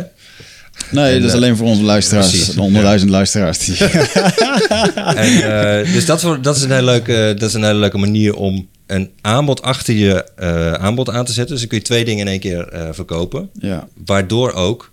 Kijk, mijn marge op het luisterboek en op het eh, e-book is veel groter omdat het in eigen beheer is. Ja. Dus dat geeft mij weer een hoop marketingknaken die ik kan gebruiken om bijvoorbeeld traffic naar die boeksite te sturen. Om weer nog meer mensen dat aanbod onder hun neus te kunnen schuiven. ja. En dat is een hele leuke manier om dat, eh, de verkoop van je boek, om daar veel meer aan te gaan verdienen. En je kunt daar ook nog een upsell achterna zetten. Dat is wel mooi hoe je dat zegt, want jij je maakt een onweerstaanbaar aanbod door ze echt daadwerkelijk een upsell te doen, waardoor ze meer verkopen. En ik denk dat ik nog vaak, de- ik weet niet of het een fout is, maar ik maak vaak nog de gewoonte om een aanbod te maken, eh, daar een hoop bonussen bij te doen. En dan te vertellen hoeveel dat die bonussen eigenlijk waard zijn. Dus Ja. bijvoorbeeld coaching met mij voor een jaar kost 12.000 euro. Eh, maar ja, goed, als je een eendaagse met mij doet met 12 ondernemers, eh, dan zijn we er ook. Maar dan krijg je nog dit en dat en dat erbij. En op Ja. die manier tel ik dat dan helemaal op. Dat Ja. het een soort van wow-effect geeft. Ja. Wat ook werkt. Wat ook werkt. Ja, dat is, ook, een- dat, is een, dat is niks mis mee. Dat is een hele goede manier om... eh, je bent dan eigenlijk... Wat je dan eigenlijk kan doen is dat je... Dan Kennedy noemt dat dus eh, selling money with- at a discount. Ja. Dus het is, het is een, een ton waard, en, maar je, kunt het, eh, je krijgt het nu voor eh, Ja. Ja hoor. 2000 euro. Amerikanen zijn er heel goed in. Ja, En dat is gewoon slim. Dat is ook een best practice. Daar is niks mis mee. Dat werkt gewoon. Vind jij dat eh, de, die sales pitches in Amerika, vind je dat leuk? Want vaak als je naar zo'n driedaags eh, conferentie gaat, dan kan je de eerste twee dagen gewoon gaan. is er nog niet zoveel aan de hand. Maar de derde dag word je gewoon helemaal doodgegooid met alles wat er, wat er kan verkocht kan worden. Ja. En het pitchen, eh, pitchen met vul dan nu dit formuliertje in en doe mee aan die mastermind en bla bla bla. Ja, ik hou ervan om het gewoon te observeren en om te kijken wat, wat mij wel raakt en wat mij niet raakt. Ja, en te ja, ja. kijken. Maar mijn, mijn ervaring bij die, bij die seminars in Amerika is wel dat ze ook zelf wat easier zijn geworden op het, op het echt. De echt- harde sales. pitchfest. Dat is, dat, Daar komen zij nu ook wel een beetje van terug, omdat het ook niet zo heel Ik erg denk werkt. niet dat dat werkt. ik heb wel eens eh, br- de ringen gezien van Tony Robbins eh, online. En dat waren echt oude comments. Volgens mij als zo'n Reddit of zo, weet je, als een Ja. forum. Waarin hij gewoon zei, ehm, en dat ging over hoe ethisch dat hij was, of niet. Dat hij op een gegeven moment gewoon zei van, oké jongens, we hebben nu drie dagen hier gewerkt. Als degene die, die echt iets van hun leven willen maken, die gaan nu aan de rechterkant staan. En die tekenen voor het volgprogramma. En eh, ja, als je gewoon lekker door wil blijven sukkelen, dan, ga- dan ga je aan de linkerkant staan. Ja. ja, daar krijg je natuurlijk een onwijze Oh, maar groeps, ik heb, dat, eh, ik heb dat ook gezien. Ik heb je wel eens verteld toch over Landmark? Landmark Education? ja, Dat ja. is eh, zo'n... Die secte. Ja, zo'n secte was dat achteraf. Dat is ook zelfhulp. Eh, je kun je op googlen. Er schijnen milde banden met Ene Hubbard gehad te hebben. Die, van, die meneer die dacht dat hij met buitenaards wezen kon praten. Van Scientology. Maar die hadden ook een aantal van die verkooptechnieken. eh, waarvan ik dacht, ja, maar dit kan niet werken in Nederland, jongen. Want je werkt zoveel eh, weerstand op, denk ik. Bijvoorbeeld aan het eind van zo'n training. Dan, eh, wat ze dan deden, is dan hadden ze van die goonies in dienst. Die, die werkten dan voor de organisatie. Die Ja. waren ook helemaal Ja. verlicht en Ja, enthousiast. ik heb ook in die zaal gezeten. Holy fuck Ja. shit. En dan staan ze op een gegeven moment twee man sterk, staan ze naast je op je in te praten. Dat het echt een verdomd goed idee is voor jou Ja. om dat papiertje te gaan tekenen. Ja. Dat ik op een gegeven moment zeg, ik denk dat je gewoon beter aan de kant gaat. Deze jongen gaat naar huis, weet je wel. Want dit is gewoon helemaal niks voor mij. Want ik word gewoon boos hiervan. Want je wordt gewoon echt gemanipuleerd. Ja. En ik denk heel eerlijk echt gezegd, een onethisch voorbeeld. ja, gemiddelde eh, Nederlander, die gaat daar gewoon niet Nou, meer het werkte wel hoor. Echt waar? Ja, de- ze verkochten goed. Ja, ook op Nederlanders? Ja, Ja. zeker.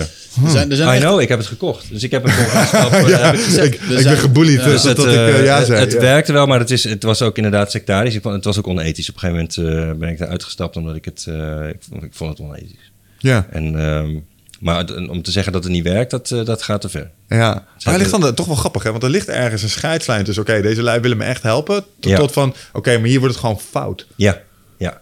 Dat is het probleem, ja. Ja, Dat was daar het probleem, ja. interessant is dat. Ja, nou, da- da- daar ligt dan volgens mij, volgens mij ook wel de grens. Het En moet ik, wel, eh, ik denk dat er heel veel eh, evenementen zijn in Nederland waar jij en ik niet heen gaan, maar waar er echt heel veel gepitcht wordt. Want er zijn best wel veel Amerikanen die er ook heen komen. En, eh, in de rij en zo zijn echt nog wel eh, genoeg ondernemers. eh, Ja, en de Amerikanen vinden het wel interessant om hier te komen, hoor. Omdat het toch nog een beetje onontgonnen gebied is. Er zijn nog heel veel dingen die hier nooit gedaan zijn, of Ja. weinig gedaan zijn, die in Amerika al niet meer werken. Ja, maar intercultureel marketing is niet zomaar een ding. Dus eh, ik denk dat, de- dat sommige... Ja, maar blijkbaar dus wel. Sommige strategieën... Ja, ik denk altijd bij Nederlanders, die zijn net iets nuchtiger als die Amerikanen. Maar ik ben bang dat we even makkelijk te bespelen zijn als onze nou ja, Amerikaanse vrienden. Eh, Ja, ja ik vind het zelf leuker natuurlijk. om te kijken hoe je het echt naar Nederland kunt eh, brengen. Dus niet invliegen, maar hoe je het zelf kunt modelleren. Ja, ja, naar ja, ja, eh, aanpassen naar, kleur en, eh, en de stijl van Nederland. Ik vind zelf, dat vind ik zelf veel leuker. Dat is het ook. Dat is als ik Amerikanen wil zien, dan ga ik daar wel naartoe. Die hoef ik hier niet te zien. Ik snap het. Alright, mannen. ja, we moeten hem gaan afronden. Ja, ik zit ook even naar de tijd te kijken. Jezus, het Ja. ging echt snel. Is vier uur. Is er nog iets wat jij, eh, een on- onweerstaanbaar aanbod, eh, wat je de wereld in wil slingeren via deze eh, podcast? Nou, eh, ik zou zeggen, als het je interessant lijkt dat ik je elke dag ga kapot spammen. nee, dus als je die daily e-mails waar ik het over gehad heb, die kun je, daar kun je voor aanmelden via uh, www.schrijvenvoorinternet.nl. Schrijven voor internet.nl. En Dit daar, was een audioboekstem, jongens. Let op, dit was hem. En daar zie je dus die, eh, ja, in, eigenlijk in, in, in de praktijk waar we het nu over gehad hebben. Ja, Dan kun je ook zien of het, eh, wat het met je doet, of het iets met je doet, eh, hoe dat overkomt als ik je dagelijks ga e-mailen. ja. Misschien leuk om eens uit te proberen. Ik ga me erop abonneren en als het me bevalt, dan ga ik het van je jatten. Ja, dat zou ik ook doen. Ja. Ja. ik ben er ook niet eerlijk aangekomen. Dus eh, Conceptkleptomaan. ja, Oké man, dankjewel dat je er eh, even tijd voor wilde maken om hier te komen. thanks voor de uitnodiging. En leuk. laten we afspreken dat als je een keer een nieuw boek hebt, dan eh, moet je maar weer langskomen. Dat gaan we doen. Goed, oké. Luisteraars, ik hoop dat je ervan genoten hebt. En tot een volgende keer. Volgende keer. Hoi. Hoi.